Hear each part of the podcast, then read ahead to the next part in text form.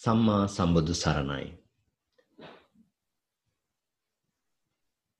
සංසාරේ පුරාවට ඒකාන්ත වශයෙන් මහා කුසල සමුදායක් රැස්පත් කරගෙන අත්පත් කරගෙන ලෞතුරා සම්මා සම්බුදුරජාණන් වහන්සේලා අනන්ත ප්‍රමාණයක් සියසින්ම දැකගෙන ආපු ගමනක් ආපු ඔබ අපි සෑම සියලු දෙනාට මේ පින පිළිබඳව කුසලය පිළිබඳව තිබෙන ඡන්දය සුළුපටු එකක් නෙමේ කියන එක ඒකාන්තයෙන්ම අපි බොහොම තදින් විශ්වාස කරනවා. කරන පින මහත්ඵල මහානිසංස කරගන්නේ කොහොමද? මහ ඒ වගේම මහත්ඵල මහානිසංස වන ආකාරයට කුසල් වඩාගන්නේ කොහොමද කියන කාරණය පිළිබඳව ඒ කුසලය හටගන්න සිත් පිළිබඳවත් කුසල් සිදු කරන විට අපිට පහළ වෙන සිත් සහ ඒවායේ ස්වභාවය ඒ සිත්වල ස්වභාවය අනුව මේ කුසලයේ මහත්ඵල මහානිසංස භාවය ඇතිවන ආකාරය පිළිබඳව දැන කියා ගන්න නිවැරදිවම දැන කියා ගන්න ඒකාන්තයෙන් ඔබට ඕනෑකමක් තිබෙන බවත් අපි දන්නවා. අද දවසේ මේ අභිධර්ම අපේ අභිධර්ම පාඩම ඒ සඳහා සුවිශේෂී වෙච්ච පාඩමක්. ඒ නිසාවෙන් පෞරාණික තේරවාදය ත්‍රීපිටක අධ්‍යන වැඩසටහනේ අභිධර්මය එකොළොස්වැනි පාඩමෙන් අද දවස අපි සූදානම් වන්නේ කුසල් සිත් පිළිබඳව ඉගෙන කියා ගන්නටයි. එසේ නම් ශ්‍රී බුද්ධ වර්ෂ දෙදහස් පන්සිය හැට හතරක් වූ ඇසලමස අව සතවක නම් තිතිලත් ශනිදින හෙවත් ව්‍යවහාරික වර්ෂ දෙදහස් විස්සක් වූ ජුලි මස එකොළොස් වන සෙනසුරාදා ශ්‍රී ලංකාවේ වේලාවෙන් පස්වරු හත උදාවන මේ මොහොතේදී ලෝකය පුරා විසිරී සිටින ඔබ අප සෑම සිලු දෙනාම සෝම් යෙදවම ඔස්සේ අන්තර්ජාලය හරහා සජීවීව මේ සම්බන්ධ වී සිටිනුයේ පෞරාණික තේරවාදය ත්‍රීපිටක අධ්‍යන වැඩසටහනෙහි අභිධර්මය එකොළොස්වැනි පාඩම සමගයි. අද දිනේත් මේ උතුම් වැඩසටහනට මාර්ගෝපදේශකත්වය සපයන අපගේ ගෞරවනීය ආචාර්යන් වහන්සේ මහනුවර අම්පිටිය උඩගම චිත්ත විවේකාශ්‍රමාධීපති නම කියනට අවසරයි පූජනීය විනයාචාර්ය ගලේවෙල ඥාන දස්සන ස්වාමීන්ද්‍රයාණන් වහන්සේ. අපගේ ගෞරවනීය ආරාධනය කාරුණිකව පිළිගෙන ගම්බීර වූ අභිධර්මාර්ථයෝ අපට වටහා ගත හැකි අයුරින් විස්තර කර දෙමින් ඒ පරම ගම්බීර වූ ශ්‍රී සද්ධර්මය ජීවිතවල සැනසීම පිණිසම අපට අවබෝධ කරවීමේලා කැපවන්නා වූ අපගේ ගුරු දේවෝත්තම ගෞරවනීය ස්වාමීන්ද්‍රයාණන් වහන්සේව පාදාභිවන්දනීයව මේ උතුම් වැඩසටහනට පිළිගන්නට සියලු දෙනාම එක්ව මාත් සමගම ගාථා කියමින් ගෞරවනීය ස්වාමින් වහන්සේ වන්දනා කරමු. අවසරයි ස්වාමීන්.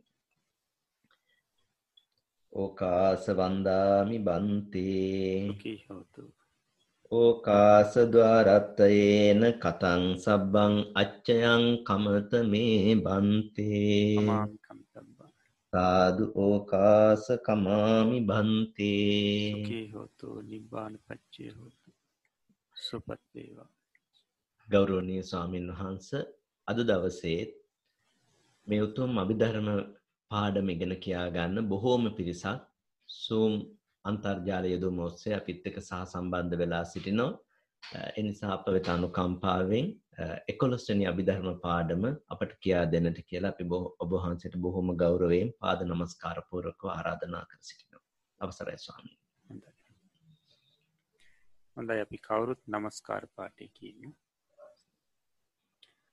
නමෝ තස්ස භගවතු වරහතෝ සම්මා සම්බුද්ධස්ස නමෝ තස්ස භගවතු වරහතෝ සම්මා සම්බුද්ධස්ස නමෝ තස්ස භගවෙතු අරහතෝ සම්මා සම්බුද්ධස්ස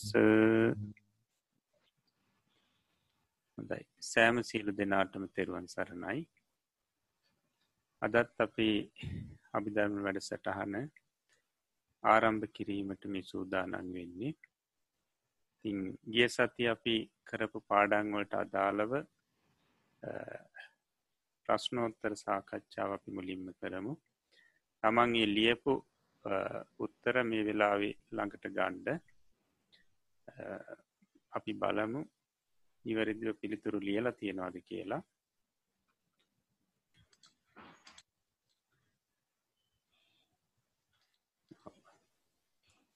බලන්ඩ පළවෙනි ප්‍රශ්නය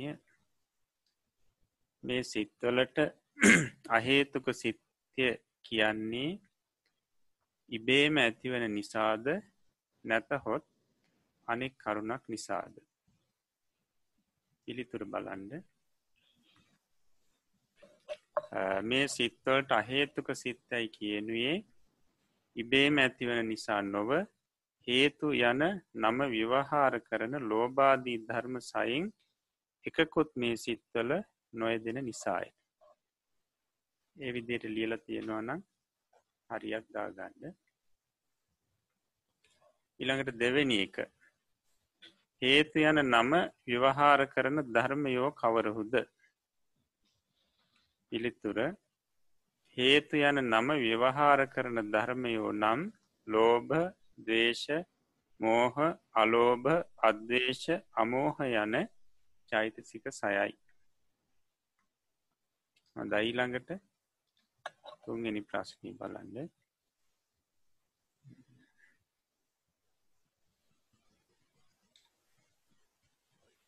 විපාකයි කියනුවේ කෙබදු සිත් කොටසකටද?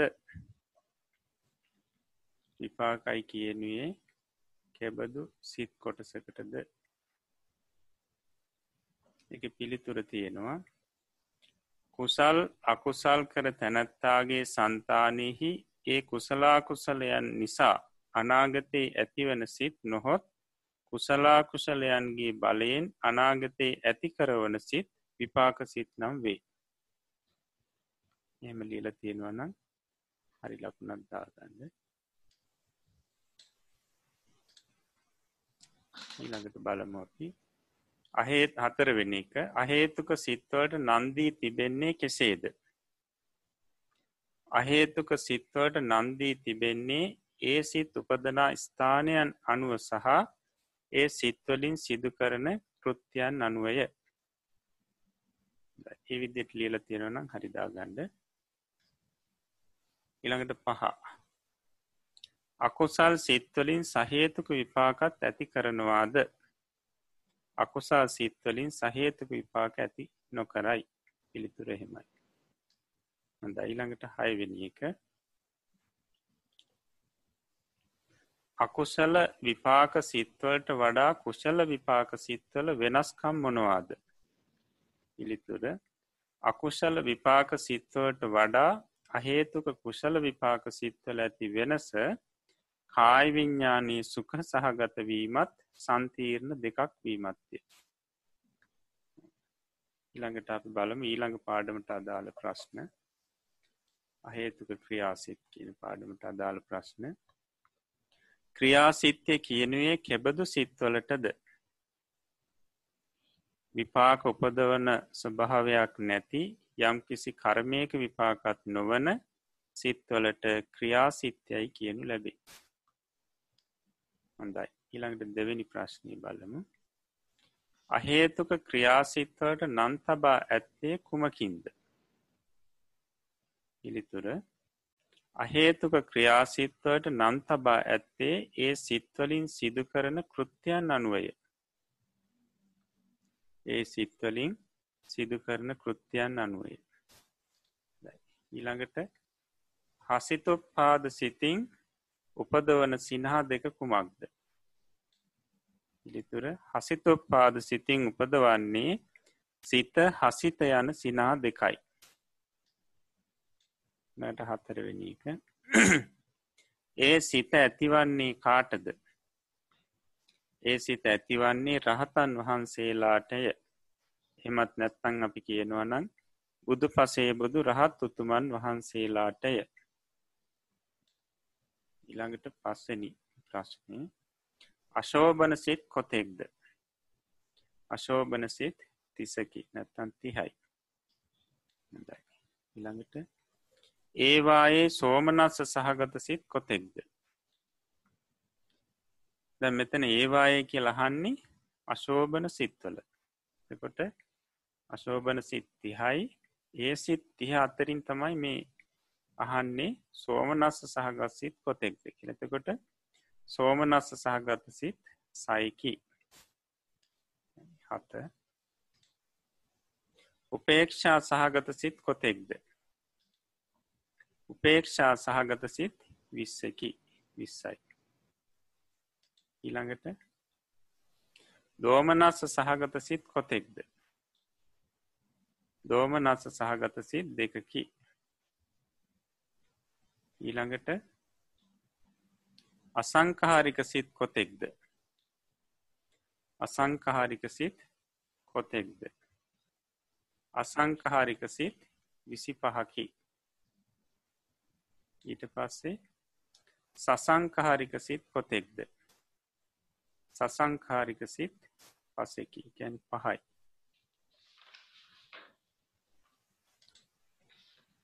හොඳයි. ඒ ක්‍රමයට ලියලා තියෙනවනම් හරි දාගණ්ඩ කවුරුත්. ඊළඟට අපි බලමු දැම්මී අශෝභන සිත් අශෝභන සිත්වල අපි දැම්මි සෝමනස්ස සහගත ඒ වගේම උපේක්ෂා සහගත අසංකහාරික සසංකහාරික දෝමනස්ස සහගත මේ විදියට අපි ප්‍රශ්නෝට උත්තර ලිව අයිසිත් කොච්චර යෙදෙනවාද කියලා අපි වගුවකින් ඒ පිළිබඳ තවදුරටත් පැහැදිලි කරගම්මු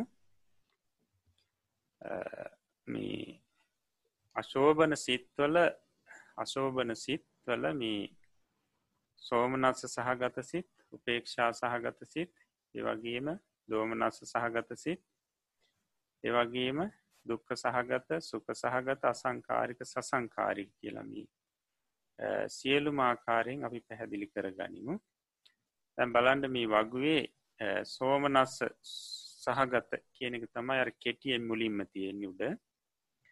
ඊට පස්සේ වූ අකුරත් ස අකුරත් තියෙන එතනින් පැහැදිලි කරන්නේ උපේක්ෂා සහගත කියන එකයි. ඊළඟ එකේ දෝ ඊට පස්සේ ස කියලා තියෙන අකුරු දෙකක්. ඒ කියන්නේ දෝමනස්ස සහගත කියන එක. ඊළඟට දුක්ක සහගත කියන එක තමයි කෙටි කරලා දූස කියලතියන්නේ ඊළඟට සුස කියලා තියෙන ඒ කියන සුක සහගත කියන අර්ථය. ඊළඟට අසං කියල නවත්තලා තියෙනවා. කියන්නේ අසංකහාරික කියන එක. ඊළඟට සසං කියල නවත්තලා තියෙනවා. ඒ කියන්නේ සසංස්කාරික කියන එකයි. හොඳයි. එතකොට ඉස්සලම් තියෙන සෝමනස්ස සහගත. දැන් අපි බලමු අශෝභන සිත්වල. සෝමනස්ස සහගත සිත් කියද? මොනවද කියලා. එතොට දැන් මේ හරි ලකුණු දාලා තියෙනවා. ලෝබ මූල සිත්වල හතරක් තියෙනවා. ඊළඟට අහේතුක කුසල විපාක සිත්වල එකක් තියෙනවා. එකැන සෝමනස් සහගත සන්තීරණය ඊට පස්සේ සෝමනස් සහගත හසිතුපාදී කියන හේතුක ක්‍රියාසිත්වල අවසාන සිත එකයි. එතකට බලන්ඩ ඔක්කොම තියෙනවා හයක්. ඊළඟට උපේක්ෂා සහගත සිත් බල. උපේක්ෂා සහගත සිත් විස්ස ලකුණු කරලා තියෙනවා. එතකොට ලෝබමූල සිත්වල තියෙනවා හතරක්. ඊට පස්සේ මෝහමූල සිත් දෙක. ඊළඟට අහේතුක අකුසල විපාක. තැන් අකුසල් විපාක සිත්වල ඒ හතෙන් තියෙනවා එන හයක්. හතෙන් හයක් තියෙනවා. ඊට පස්සේ අහේතුක කුසල විපාක සිත්වලත් හයක් යෙදෙනවා. ඊට පස්සේ ක්‍රියාසිත්වල හේතුක ක්‍රියාසිත්වල දෙකක් යෙදෙනවා. එතකොට බලන්ට සියල්ලම විස්සක් වෙනවා. සියල්ලක් සියල්ලම විස්සක් වෙනවා. දයිළඟට දෝම නස්ස සහගත සිත්. දෝම නස් සහගත් සිත් අපි දන්නවා දෙකයි තියෙන්නේ ඒ දේශ මූල සිත් දෙක කොට දෙකයි. ඉළඟට දුක්ක සහගත සිත්. දුක්ක සහගත කාය විඤ්ඥානී කියෙන සිත පමණයි තවට එක සිතයි තියෙන්නේ. ඉළඟට සුක සහගත සිත්. සුක සහගත සිත් විදියට ගැනෙන්නේ සුක සහගත කාය විඤ්ඥානී සුක සහගත කාය විඤ්ඥානී තමයි සුක සහගත සිතක් හැටියට අරගෙන තියෙන්නේ. ඊළඟට තියෙන අසංකාරික අසංකාරික සිත් විසි පහයි සංකාරික සිත් විසි පහක් තියෙන එක බලන්න පුළුවන්. ඊළඟට සසංකාරික සිත් පහයි. සසංකාරික සිත් පහයි. තකොට ලෝභ මූල සිත්වල හතරක් තියෙනවා. ඉට පස්සේ දේශමූල සිත්වල එකක් තියෙනවා. ඒ විදිර තමයි පහ ගැනෙන්නේ. ඒ සිත් පහ හැර සෙසු සියලුම සිත් අසංකාරික හැටියටයි සලකන්නේ. පී කතා කරා අහේතුක සිත් සියල්ල අසංකාරිකයි කියලා.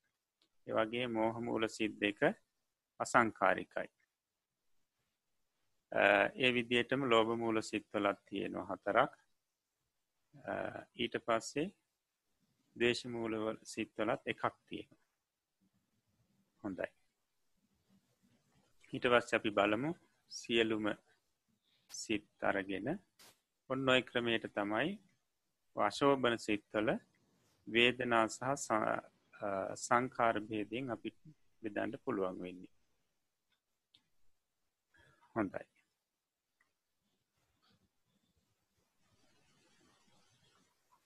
ඊළඟට අපි බලමු සාමාන්‍යයෙන් දැන් අපි මේ අද ඉගෙන ගණ්ඩ යන්නේ අලුත් පාඩමක් නිසා අලුත් සිත් කොටසක් නිසා අපි බලමු. අපි සිත් ඉගනීමේ කොයි තැනද දැන් ඉන්න කියලා. සිත් ඉගෙන ගැනීමේ කොයි තැනද අපි ඉන්න කියලා අපි බලමු. ඉස්සල්ලාම අපි චිත්තය සිත පරමාර්ථ ධර්ම හත්තර අතුරින් එකක් තමයි චිත්තය කියලා කියන්නේ. ඒ සිත කොටස් හතරකට මුලින්ම බෙදෙනවා. පලවෙනි එක කාම ආවචර සිත් ඉළඟට රූපාවච්චර සිත් ඉළඟට අරූපාවච්චර සිත් ඊළඟට ලෝකෝත්තර සිත් ඔය විදිහට. ට කාමාවචර සිත් පනස් සතරයි මේ කාමාවචර සිත් නැවත කොටස් තුනකට බෙදෙනවා. අකුසල් සිත් ඉළඟට අහේතුක සිත් ඊළඟට කාමාවචර සෝභන සිත් කියලා. තොට බලන්ඩ එතන අපි අකුසල් සිත් මේ වෙනකොට ඉගෙන ගත්තා. කාමාවචර සිත් පනස් අතරින් අකුසල් සිත් දොළහ ඉගෙන ගත්තා. ඊළඟට අහේතුක සිත් දහටත් ඉගෙන ගත්තා. ඊළඟට අපිට දැන්තියෙන්නේ කාමාවචර සෝභන සිත් විසි හතර ඉගෙන ගන්න. ඒ විසි හතර ඉගෙන ගත්තට පස්සේ කාමාවචර සිත් පනස් හතර සම්පූර්ණ වෙනවා. ඒ විසි අතර ඉගෙන ගත්තට පස්ස අපිට තියෙන ඊළඟට රූපාවචර සිත් පහළොව ඉගෙන ගන්න. නැතවට කාමාවචර සෝභන සිත් විසි හතරින් විසි හතරත් ඊට පස්සේ බෙදන්ඩ පුළුවන් අපිට. කොටස් තුනකට බෙදෙනවා. එකොට බලන්ඩ කාමාවච්චර කුසල් සිත් අටක් තියෙනවා.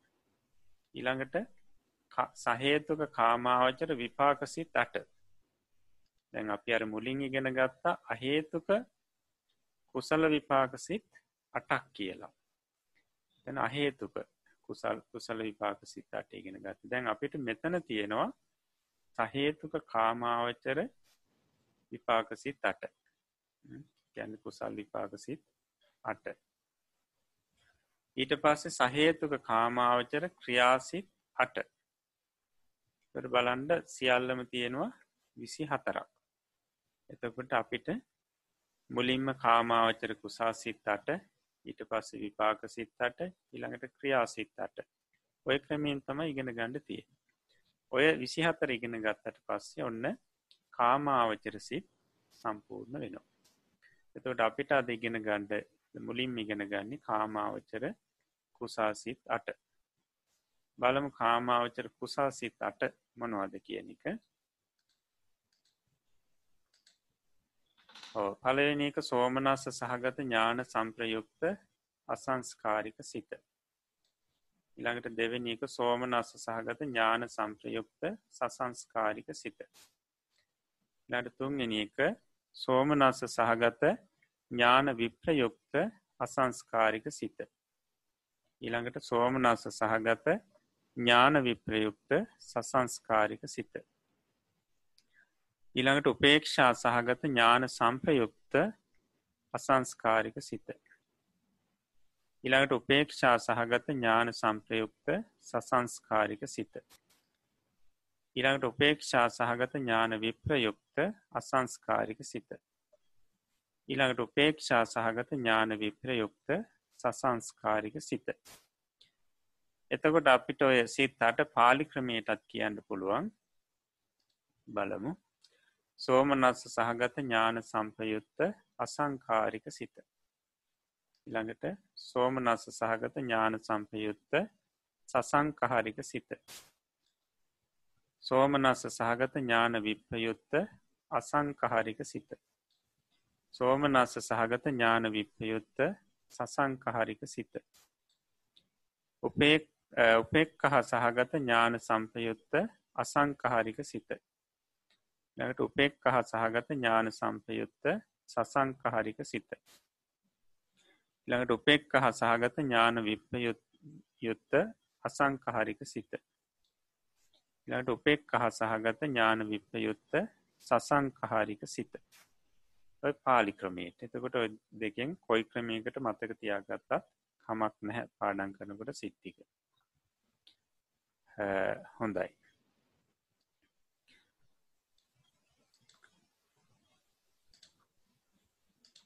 ඊට පස්සේ අපි එදා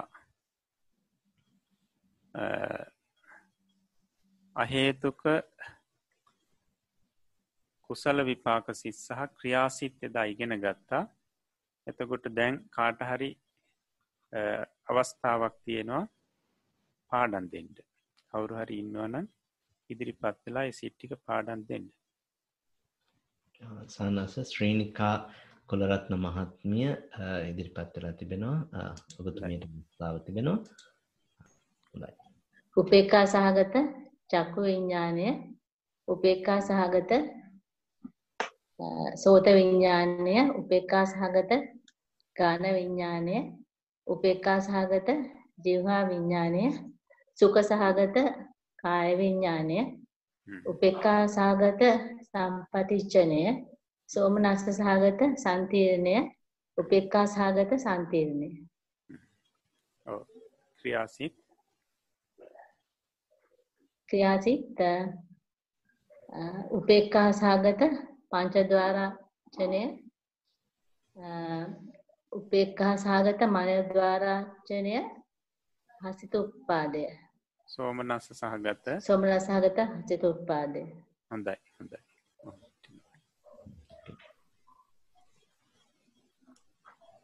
හොඳයි. එතකොට එක කාරණාවක් මතක තියා ගණ්ඩෝනි ඉට ගිය පාඩමට අදාළව අපි කතා කරා මේ මනෝද්වාරය සහ මනෝද්වාරාවජ්‍යන සිත කියල දෙකක්. උපේක්ෂා සහගත මනෝද්වාරාවජ්‍යන සිත ඉළඟට මනෝද්වාරය. එතකොට මේ කියන්නේ දෙකක් ගැන මේ කියන දෙකක් ගැන. එතකොට මනෝද්වාරය කියලා කිව්ව අපි බවාංග සිත් පරම්පරාව. මනෝද්වාරා වජ්ජන සිත කියලා කිව්වේ ඒ මනෝද්වාරය අරමුණක් හැපෙනකොට මුලින්ම දැනගන්න සිත. දැනගන්නා සිත. එතකොට ඒ දෙක දෙකක් හැටියට අපි දැනගණ්ඩුවනි දැ මනොද්ධාරා වජ්‍යන සිත ගැන අපිට තාම එක හරි දැනීමක් නැහැ. ඉදිරියේ දේක විස්තර කරනවා. ඒ නිසා මේ දෙක දෙකක් හැටියට කවුරුත් දැනගණ්ඩ ඕනි. ඇත්තම් මේක පැටලුනොත් අපිට අභිධරම ඉගෙනගන්න ටිකක් සමහර පාඩන්වලදී අපිට ගැටලු ඇතිවෙන්න පුළුවන්. හොඳයි. එහෙමනම් අපි දැන් පාඩම අපිට අද තියෙන පාඩම අපි ආරම්භ කරම. කියන්න පාඩ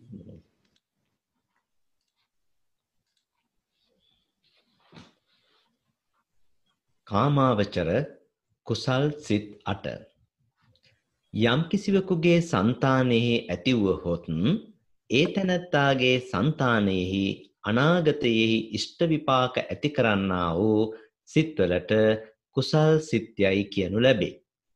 දන්දීම් සිල්රකීම් ආදී වශයෙන් සාමාන්‍ය ජනයාට ඇතිවන කුසලය කාමාවචර කුශලය.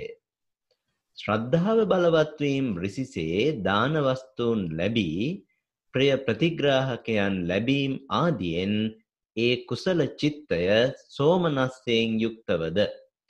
ඒවා නොලත් අවස්ථාවලදී උපේක්ෂාවෙන් යුක්තවද ඇතිවේ. එබැවින් සාමාන්‍යයෙන් එකක් වූ කුශල චිත්තය සෝමනස්ස සහගත සිතය උපේක්ෂා සහගත සිතය කියා දෙකක් වේ.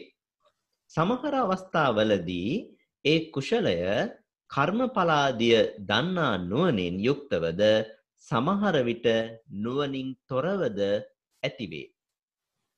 එබැවින් සෝමනස්ස සහගත සිතද ඥාන සම්ප්‍රයුක්ත සිතය ඥාන විප්පයුක්ත සිතය කියා දෙකට බෙදේ. එසේ බෙදීමෙන් කුසල් සිත් සතරක් වේ. ඒ සතරින් එක එකක් නැවත සංස්කාර බෙහෙදයෙන් දෙකට දෙකට බෙදේ. එසේ බෙදීමෙන් කාමාවචර කුසල් සිත් අටක් වේ. සෝමනස්ස සහගත ඥාන සම්පයුක්ත අසංස්කාරික සිතය සෝමනස්ස සහගත ඥාන සම්පයුක්ත සසංස්කාරික සිතය සෝමනස්ස සහගත ඥාන විප්පයුක්ත අසංස්කාරික සිතය සෝමනස්ස සහගත ඥාන විප්පයුක්ත සසංස්කාරික සිතය උපේක්ෂා සහගත ඥාන සම්පයුක්ත අසංස්කාරික සිතය උපේක්ෂා සහගත ඥාන සම්ප්‍රයුක්ත සසංස්කාරික සිතය උපේක්ෂා සහගත ඥාන විප්‍රයුක්ත අසංස්කාරික සිතය උපේක්ෂා සහගත ඥාන විප්‍රයුක්ත සසංස්කාරික සිතය යන මේ අට කාමාවචර කුසල චිත්තයෝය මේ කාමාවචර කුසලයට මහා කුශලයයිද කියනු ලැබේ. එසේ කියන්නේ රූපාවචර අරූපාවචර ලෝකෝත්තර කුශලයන් මෙන් එය උසස් නිසා නොව ලෝකයේ සෑම තැනකම් තැනම වෙසෙන බොහෝ දෙනාට ඇතිවන කුශලය නිසාය. රූපාවචර අරූපාවචර ලෝකෝත්තර කුසල් ඉතා ටික දෙනකොට පමණක් කලාතුරකින් ඇතිවන ඒවාය. කාමාවචර කුසල් සිත් අට ඇතිවන්නේ දාන සීල භාවනා අපචායන වෙయ్యා වච්ච පත්තිදාන පත්තානු මෝදනා ධම්ම සවන ධම්ම දේශනා දිට්ටිජු කම්ම යන දස පුණ්‍ය ක්‍රියාවන් සිදු කිරීම වශයෙන්. හොඳයි. ඇති. අපිට.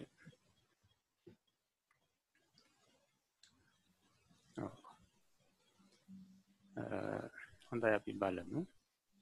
පාඩම කාමාවචර කුසාසිත් අට. මුලින්ම තියෙන කාමාවචර කුසාසිත් අට. මේක පැහැදිලි කරනවා මෙදැන් කුසල් සිත් අපි මීට කලින් ඉගෙන ගත්ති නැහැ. හැබැයි කුසල විපාක සිත් කොටසක් ඉගෙන ගත්තා.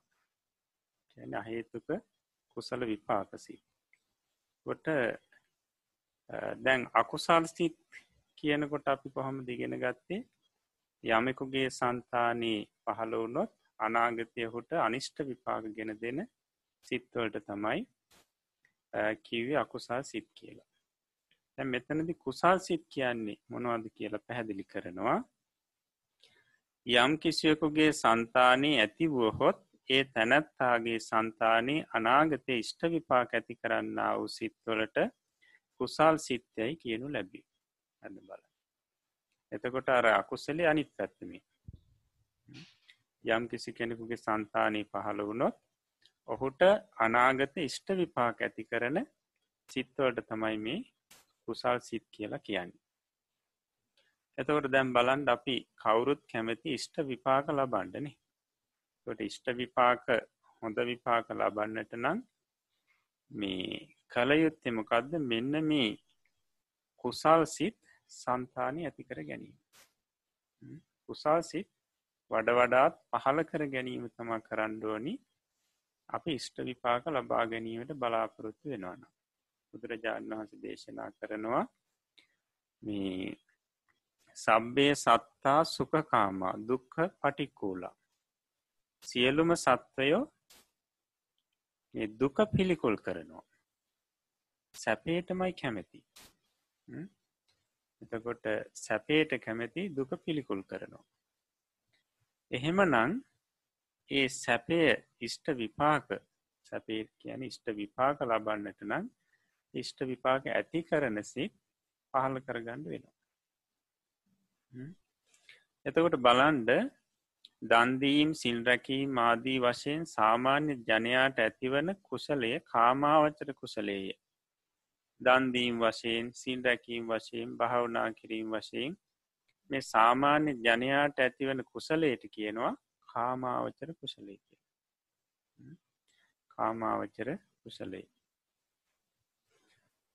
මොකද එහෙම කියන්න හේතුව තව රූපාවචර කුසලේ අරූපාවචර කුසලේ ලෝකෝත්තර කුසලේ කියලා තව කොටස් තුනක් තියෙන. ඒවාට වෙනම නං කියන්නේ මෙතනදි කාමාවචර කුසලේ කියලා කියන්නේ මේ සාමාන්‍ය ජනයාට ඇතිවන කුසලේට. ශ්‍රද්ධාව බලවත්වීම් රිසිසේ දානවස්තුූන් ලැබී ප්‍රිය ප්‍රතිග්‍රාහකයන් ලැබීම් ආදියෙන් ඒ කුසල චිත්තය සෝමනස්සයෙන් යුක්තව උපදින. එකන්නේ සෝමනස්සේ කියලා කියන්නේ සතුට සතුට. මේ සතුට කුසාසිත් පහළ වෙනකොට සතුටින් යුතු කුසාසිත් පහළ වෙන්නට නම් බලපාන කාරණා තියෙනවා තමන්ගේ ශ්‍රද්ධාව බලවත්වෙනවා. ශ්‍රද්ධහා බලවත්වීමෙන් අන්න කුසලේ සෝමනස්ස වෙනවා. ඊට පස්සේ අපි ගත්තො දානය සම්බන්ධයෙන් දානය දෙන්න අවශ්‍ය මේ දානී දීම සඳහ අවශ්‍ය විදියටම දානය හදලා තියෙනවා. කියන දාන වස්තුව හොඳට හදලා තියෙනවා. ඊට පස්සේ දානයේ පූජා කරන්න තමන්ට ප්‍රිය ප්‍රතිග්‍රාහක පිරිසක් ලැබිලා ඉන්න. අන්න මේ ආදී කාරණාවලින් ඒ කුසාල සිත සෝමනස සහගත වෙනවා. තමන්ට ඒ තුළින් සතුටක් ඇතිවෙන නිසා. එතකොට ඔය විදිහේ ශ්‍රද්ධහා බලවත්වීම් බලවත් නොවීම් ඒවගේම තමන් බලාපොරොත්වන විදිහට දානයේ සකස් කරගණ්ඩ බැරිවීම ඊළඟට ප්‍රිය ප්‍රතිග්‍රාහකයන් නොලබීම මෙන්න මේ කාරණාවලින් ඒ සිත කුසා සිත උපේක්ෂාවේදනාවෙන් යුක්ත වෙනවා. ඊළඟට මෙන්න මේ නිසා සාමාන්‍යයෙන් අර කාමාවචර කුසලය දෙකට බෙදෙනවා. එකක් සෝමනස්ස සහගතයි අනික උපේක්ෂා සහගතයි. ඊළඟට මේ කුසලේ සමහර වෙලාවට කර්ම කර්ම පලාදිය දන්නා නුවනින් යුක්තව පහළ වෙන. ඒ කුසලේ කරනකොට කර්ම කර්ම පල දන්නා නුවනින් යුතුව ඇති වෙනවා සමහරලාට. සමහර වෙලාවට එයින් තොරව ඇති වෙනවා. අන්න එතකොට අර සෝමනස සහගත උපේක්ෂා සහගත කියල දෙකට බෙදනු කුසාල් සිත ඊළඟට නැවතත් අය දෙකට බෙදෙනවා. එකක් එකක් මේ ඥාන සම්ප්‍රයුක්ත. ඥානයත් එක යෙදෙන සිත ඥානයත් එක නොයදෙන සිත ඒ විදියට ඊළඟට සංකාර බෙහෙදෙන්. සංකාර බේදෙන් ආය නැවත දෙකකට බෙදෙනවා එක එකක් සිතක්. එකක් අසංකාරික යනික සසංකාරිකයි තොට දැම් මම මේක මේ ලෝබ මූල සිත්වලදි පැහැදිලි කරා.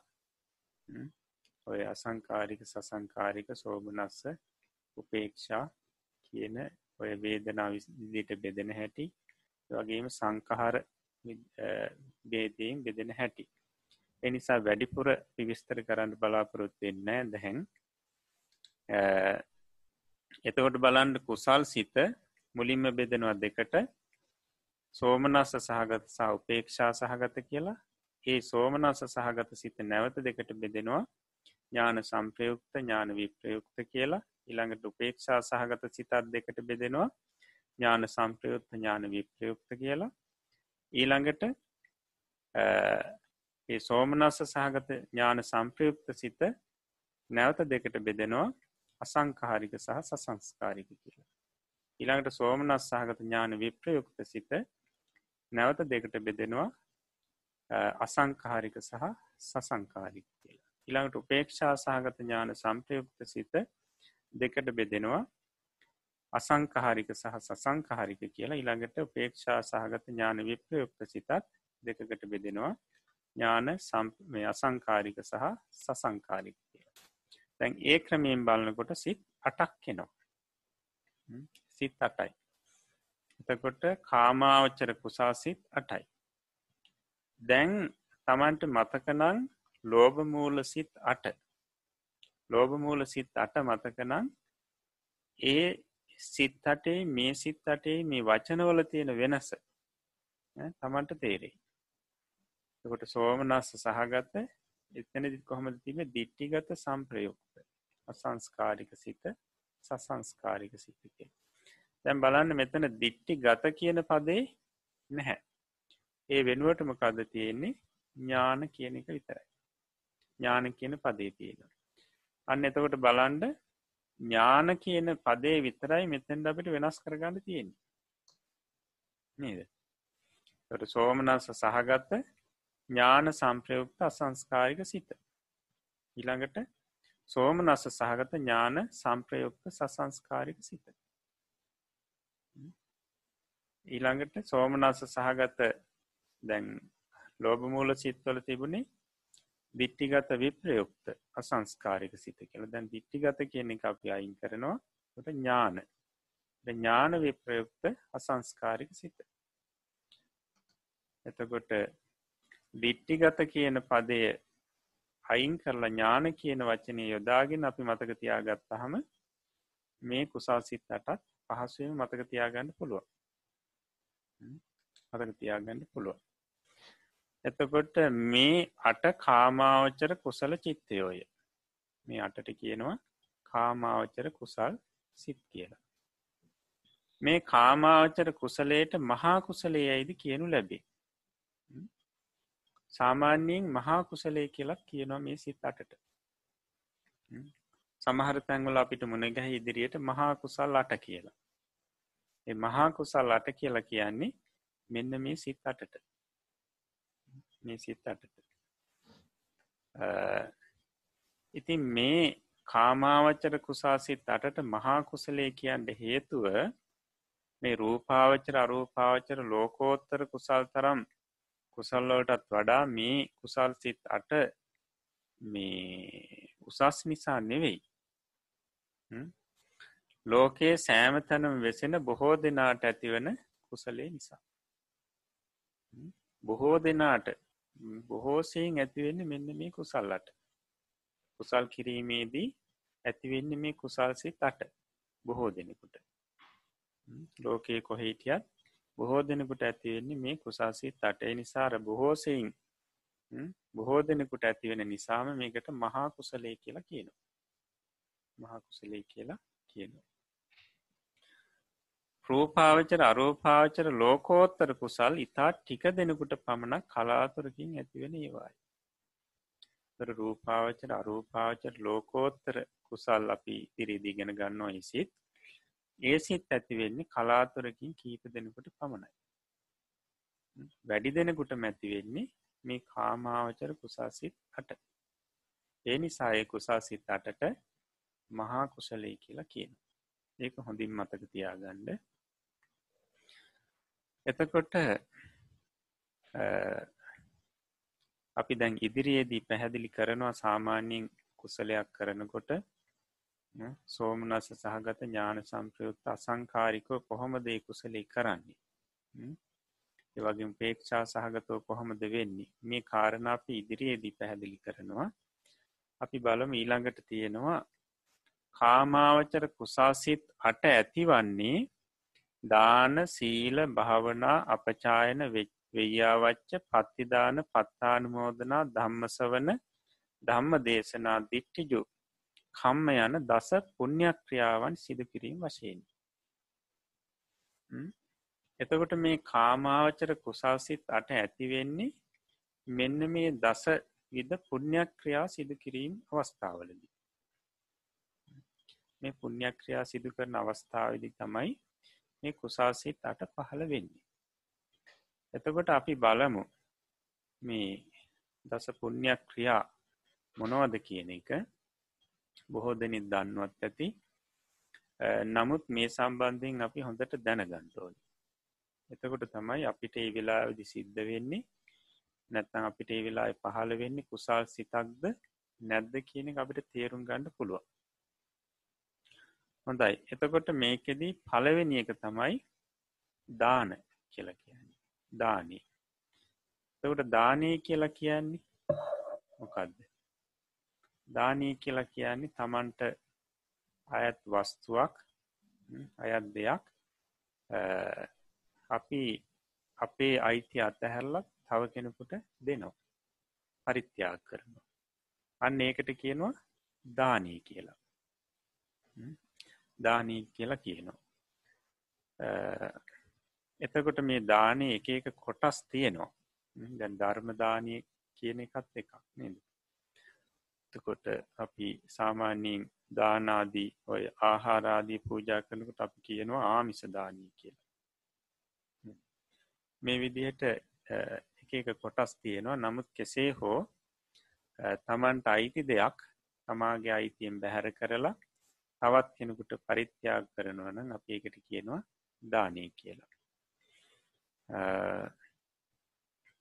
එතකොට මේ දානයේදී සාමාන්‍යයෙන් දානය දෙන පුද්ගලය තුන් දෙනෙක්. මේ ධර්මය සඳහන් කරලා තියෙනවා. දානය දෙන පුද්ගලය තුන් දෙනෙක්. එතට එක්කෙනෙක් තමයි දාන දාස. ඊට පස්සේ දාන සහාය. ඊට පස්සේ දාන ප්‍රති. දාන ප්‍රති.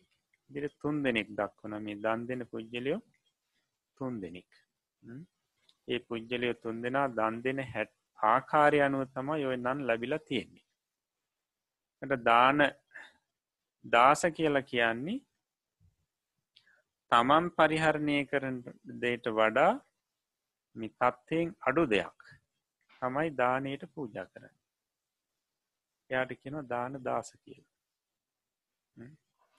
ඊළඟට දාන සහාය කියලා කියන තමන් පරිහරණය කරන ආකාරයේ දේවල්ම තමයි දානයට පූජා කරන්න. යාට කියන දාන සහාය කියලා. ඊළඟට දාන ප්‍රති තමන් පරිහරණය කරන දේට වඩා තන් තමන් අනුභව කරන දේට වඩා උසස් දෙයක් තමයි දානයට පූජා කරන්න. යාට කියනවා දාන ප්‍රති කියලා. දාන ප්‍රති එතොට දාන දාසට වඩා දාන සහයට වඩා ආනිසංස ලැබෙන්නේ දානයෙන් දාන ප්‍රතිට. දාන ප්‍රති කියන කෙනාට. දැන් දාන දාස කියනකොට සාමාන්‍යෙන් ඒ තැනැත්තා පරිහරණය කරන දේට වඩා අනුභව කරන දේට වඩා වටිනාකමින් තත්වෙන් අඩු දේවල්ම තමා නිතරම දන්දෙන්ට හිතන්න. සමහරලාට දන්න ඇති ගෙවල්වල පරණ බඩු දැන් අලුත් බඩු ගෙනාවට පස්සේ පරණ බඩු ටික මොකද කරන්න හිතන්නේ මේ ටික පූජා කරන්න ඕනි කියලා හිත තට මේ ටික පන්සල්ට පූජා කරන්න ඕනි කියලා හිතෙන අන්න බාන්ඩ දාන දාස කියන තත්ත්වය දාන දාස කියන තත්වේ ඉතින් මේක බොහෝම කැන දානයක් තමයි. නමුත් බොහොම පහත් දානයක් ඊට පස්සේ සමහර එතනවා සාමීන් වහන්සේලාට පූජා කරන්න ඕන ටිකක් රලු දේවල්. අපි අනුභව කරන තරන් ප්‍රනීතයව නෙවෙයි. ඔය විදියට හිතල සමහරු කරන ඉතින් ඒ කියන දාන දාස කියන තත්වය ඉතින් බුදුරජාණන් වහන්සල වර්ණනා කරන්න හැබදු පුද්ගලය. දාන සහාය කියලා කියන තමන් ගෙදර කණබොන දේවල්ම තම ඒ විදිහටම තමයි දානටත් පූජ කර නැත්තන් තමන් පරිහරණය කරන තත්වේ දේවල්ම තම පූජ කර දාන සහාය. දාන ප්‍රති කියලා කියන්නේ දානයට පූජා කරන්න ඉතාම උසස්ම දේ. තමන් ගෙදර අවුරුද්ධකටවත් ආහාරයට නොගන්න විදිහට ඉතාම උසස් ක්‍රමයට හදලතා පූජ කර නැත්තං ගෘහබාණ්ඩයක් වුණත් පූජා කරනකොට වටිනාම දෙයක්. තමන් පරිහරණය කරන දේටත් වඩා වටිනාම දෙයක් තමයි පූජ කරන්න ඉදිරිපත්වේ අන්නේ අයට කියනවා දාන ප්‍රති කියන එතකොට ඒ දාන ප්‍රතිට ලැබෙන ආනිසංසත් විශේෂයම කියනවා. අනිත් අයට බොහෝම ප්‍රිය කෙනෙක් බවට පත්වෙනවල් ඊට පස්සේ සත්පුරුෂයන්ගේ ඇසුර යහපත් සත්පුරුෂයන්ගේ ඇසුරයාට ලැබෙන්ඩ ගන්නවා ඊළඟට කල්්‍යයානු කීර්ති සද්දුවක් බුග්ගච්චති එයාගේ කීර්තිරාවේ පැතිරෙන්ඩ ගන්න ඊළඟට මේ කුමන පිරිසක් මැදට ගියත් කුමන බලෝතුම් පිරිසක් මැදට ගියත් එයා විශාරදව බයනැතු එතෙන්ට යනවා ඊට පස්සේ මරණින් මත් සුගති උපදිනවා කියන මේ විදි ආනිසංස පහක් කියනවා. එතකොට තවදුරටත් අපිට දානය ගැන විස්තර කරගන්න තියෙන නමුත් අපිට ඊළඟ පාඩමකදී සිත් එක්ක සම්බන්ධ කරමින් අපිට ඉගෙන ගන්න පුළුවන් එක එතකොට මං ඔය කෙටියෙන් කිවේ දානය කියනකොට සාමාන්‍යින් තමන් සන්තක දෙයක්. තමන්ගේ අයිතියෙන් අත හැරලා තවත් කෙනුගේ පරිහරණයට ප්‍රයෝජනයට දෙනවා. තමයි දානය කියලා කියන්නේ. මේ දන් දෙනකොට පහළ වෙන්නේ මොනවද? මේ කුසල් සිත්. දන්දීමේදී පහළවෙන්න අපි මුලින් කියපු ඔය කුසල් සිත් අට. ඊළඟට සීලය. දෙවැනි පුුණ්‍යයක් ක්‍රියාව තමා සීලේ ඒ ඇන සිල් සමාදන් වෙනවා. සිල් සමාදන් වෙනවා. ඒ සිල් සමාදන් වෙලා සීලේ ආරක්ෂා කරනවා. එතකොට බොහෝම පිරිසිදුව දැන් අනිත් අයගේ ගෞරවේ ලබන්ඩ එහෙම අදහස් නැතුව බොහොම පිරිසිදු සිතින් තමාගේ මේ විමුක්තිය වෙනුවෙන් තමන්ගේ කායික වාචසික සංවරය ඇති කර ගැනීම සඳහා ඒවගේම ජීවිත ආජීවය පිරිසිදු කර ගැනීම සඳහා සිල් සමාදන් වෙලා ආරක්ෂා කර අන්න ඒ අවස්ථාවිදිත් පහළ වෙන්න මොනවාද? ඔය කියපු කුසල් සිත්. ඊට පස්සේ භාවනාව. භාවනාව කියලා කියන්නේ සිතේ සමාධිය සහ ප්‍රඥාව දියුණු කරගන්න ක්‍රමේ භාවනාවාකාර දෙකයි සමාධි භාවනාව සහ ඇතන් සමත භාවනාව සහ විදර්ශනා භාවනාව. සමත භාවනාවෙන් කරන්නේ සමාධී දියුණු කරන හිත ඒකඟ බව දියුණු කරන විදර්ශනා භාවනාවෙන් කරන්නේ ප්‍රඥාව දියුණු කරන එතකොට මේ සමත භාවනාවක් වේවා විදර්ශනා භාවනාවක් වේවා ඒ කරන අවස්ථාවදි සාමාන්‍ය මූලික අවස්ථාවදි අපි කියනර ධ්‍යාන මට්ටමට පත් නොවුණු අවස්ථාවදී විදර්ශනාව නම් මාර්ග පලතත්වයට නොවන් පත් නොවුණු අවස්ථාවදි පහළ වෙන්නේ ඔන්න ඔය කාමාවචර කුසාසික් අට. ඊට පස්සේ දැන් අපිට ඉතින් දානසීල භාවනා කියන මේ පුුණ්‍යක්‍රියා තුන ගැන බොහොම අවබෝධයක් තියෙනවා. ඊට පස්සේ තියෙනවා අපචායනය කියලා. දැම අපචායනය ගැන ගොඩක් දෙනෙකුට අබෝධි මදි. එතකොට අපචායනය කියලා කියන ගරු කළ යුතු පුද්ගලයන්ට ගරු කළ යුතු වස්තුූන්ට ගරු කිරීම. අපචායනය කියන ගරු කළ යුතු පුද්ගලයන්ට ගරු කළ යුතු වස්තුූන්ට ගරු කිරීම. එතකොට ගරු කළ යුතු පුද්ගලයෝ කවුද? වයසින් වැඩි පිරිස. එවගේම ගුණයෙන් වැඩි පිරිස. වයසින් සහ ගුණයෙන් වැඩි පිරිස තමා ගරු කළ යුතු පුද්ගලය. දැන් අපි ගත්තොත් වයසින් තමාට වඩා වයසින් වැඩි අයට ගරු කරනවා. ඊට පස්සේ ගුණයෙන් වැඩි පුද්ගලයෝ. ඒකන සීලාදී ගුණ තමන්ට වඩා වැඩි. තවට දැන් වයසයි ගුණයයි දෙක සසඳනකොට මෙතනින් ප්‍රමුකත්වය ලැබෙන්නේ ගුණයෙන් වැඩි පිරිසට. ගුණයෙන් වැඩි පිරිසට. තවට දැන් අපි සාමාන්‍යින් බලන්ඩ අපි සාමනේර ස්වාමීන් වහන්සේ නමක් ගත්ත උන්වහන්සේ ඒ සීලයෙන් උසස්. ඒ නිසා වයසින් වැඩි දෙමවපිය පවා ගරු කරන නේද? එතකොට අන්න බලන්ඩ වයසින් සහ වයස් සහ ගුණය සසඳනකොට සාමාන්‍ය ගුණයෙන් වැඩි උතුමන්ට සලකනවස් එකැන ගිහි පැවිදි පිරිස අතර අපි ගත්තොත් ඒ වගේම සාමීන් වහන්සේලාගේ පැත්තෙන් ගත්තොත්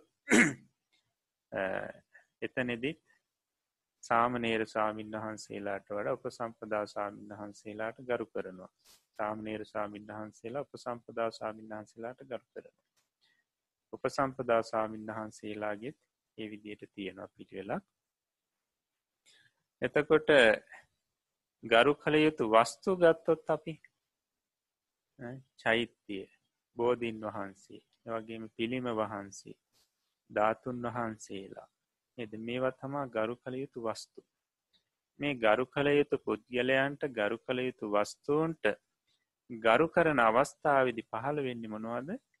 අන්නර කුසල් සිතුවිලි. නැත්තන් කුසාසේ තට එතකොට සාමාන්‍යයෙන් දැන් අපි වැඩිහිටියකුට ගරු කරනකොට ගෙදරදී වැඩිහිටිය කෙනෙකොට අපි ආසනයෙන් නැගිටින ඉඳගෙන ඉන්න තැනින් පුටුවෙන් නැගිටිනවා. තැන් සමහරකුට හිතනවා මේක නිකං අර නීචකමක් කියලා. නමුත් අපේ ධර්මය පෙන්න්නන්නේ මෙන්න කුසල් සිතවිලි පහළ වෙන අවස්ථාවක්. කුසල් සිතවිලි පහළ වෙන අවස්ථාවක්. ඊට පස්සේ දැන් අපි සාමාන්‍යයෙන් චෛත්‍යය ළඟට යනකොට ඇස බෝධීන් වහන්සේ ළඟට යනකොට විහාරයට යනකොට අපි පාවහන් ගලවනු පූජ නිස්ථානයකට යනකට පාවහන් ගලවනු අන්න ගරු කිරීම. ගරු කළ යුතු වස්තුූන්ට ගරු කිරීම. නැත්තන් ගරු කළ යුතු පුද්ගලය කමයනකට පාවහන් ආදී ගලවලා කතා කරනවා. එතකොට ඒ අවස්ථාවදි පහළ වෙන්නේ අර කුසා සිත්. එතකොට දැන් සමහරලාවට වන්දනා කරනවා නේද? අපි වන්දනා කිරීම කියලා කියන්නේ ගරු කළ යුතු පුද්ගලයන්ට ගරු කළ යුතු වස්තුූන්ට ගරු කිරීමක්. බලන්ඩ අපි වැඩිහිටියන්ට වන්දනා කරනවා කියන්නේ ඊට පස්සේ ගුරුතුමන්ට වන්දනා කරනවා කියලා කියන්නේ ඇත්තන් ස්වාමීන් වහන්සේලාට වන්දනා කරනවා කියන්නේ කුසා සිත් පහළ වෙන අවස්ථාවක්. ඒක නැර ගාථාව කියන අභිවාදන සීලිස්ස නිච්චං උද්ධා පචායිනෝ චත්තාරෝ ධම්මා වඩ්ඩන්ති ආයුවන්නෝ සුකම් බල. ඒක පැහැදිලි කරන්නේ මේ නිරන්තරයෙන්ම වැඩිහිටිය ආදී මේ සිල්වත් ගුණවතුන්ට වන්දනාමාන කරන ඒ ගරු බොහොම්මන් කරන කෙනාට ආනිස්තන්ස හතරක් ලැබෙනවා. ආයුෂයේ වර්ණය සැපේ බලේ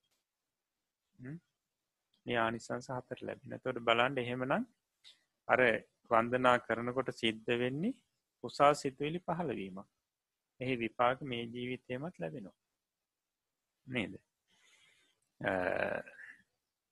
එතකොට දැන් අපි සාමාන්‍යින් ඔය කයින් ගරු කිරීම වචනයෙන් ගරු කිරීම සිතින් ගරු කිරීම කියලා තුනක් කියනවා එතන කයින් ගරු කිරීම කියලා කියන්න අපි දන නවල වන්දනා කිරීමාදී ක්‍රම.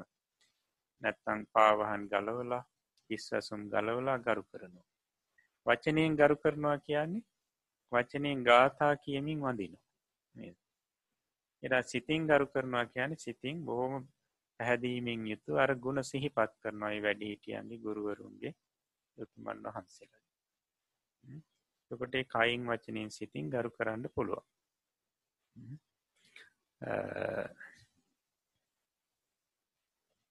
එතකොට මෙන්න මේක තමයි මේ සාමාන්‍ය මේ ගරු කළ යුතු වස්තුූන්ට ගරු කළ යුතු පුද්ගලයන්ට ගරු බොහොමන් කිරීමට තමයි අපචායනය කියලා කියන්න. අපචායන පුුණ්‍යක්‍රියාව කියලා කියන්න එකයි.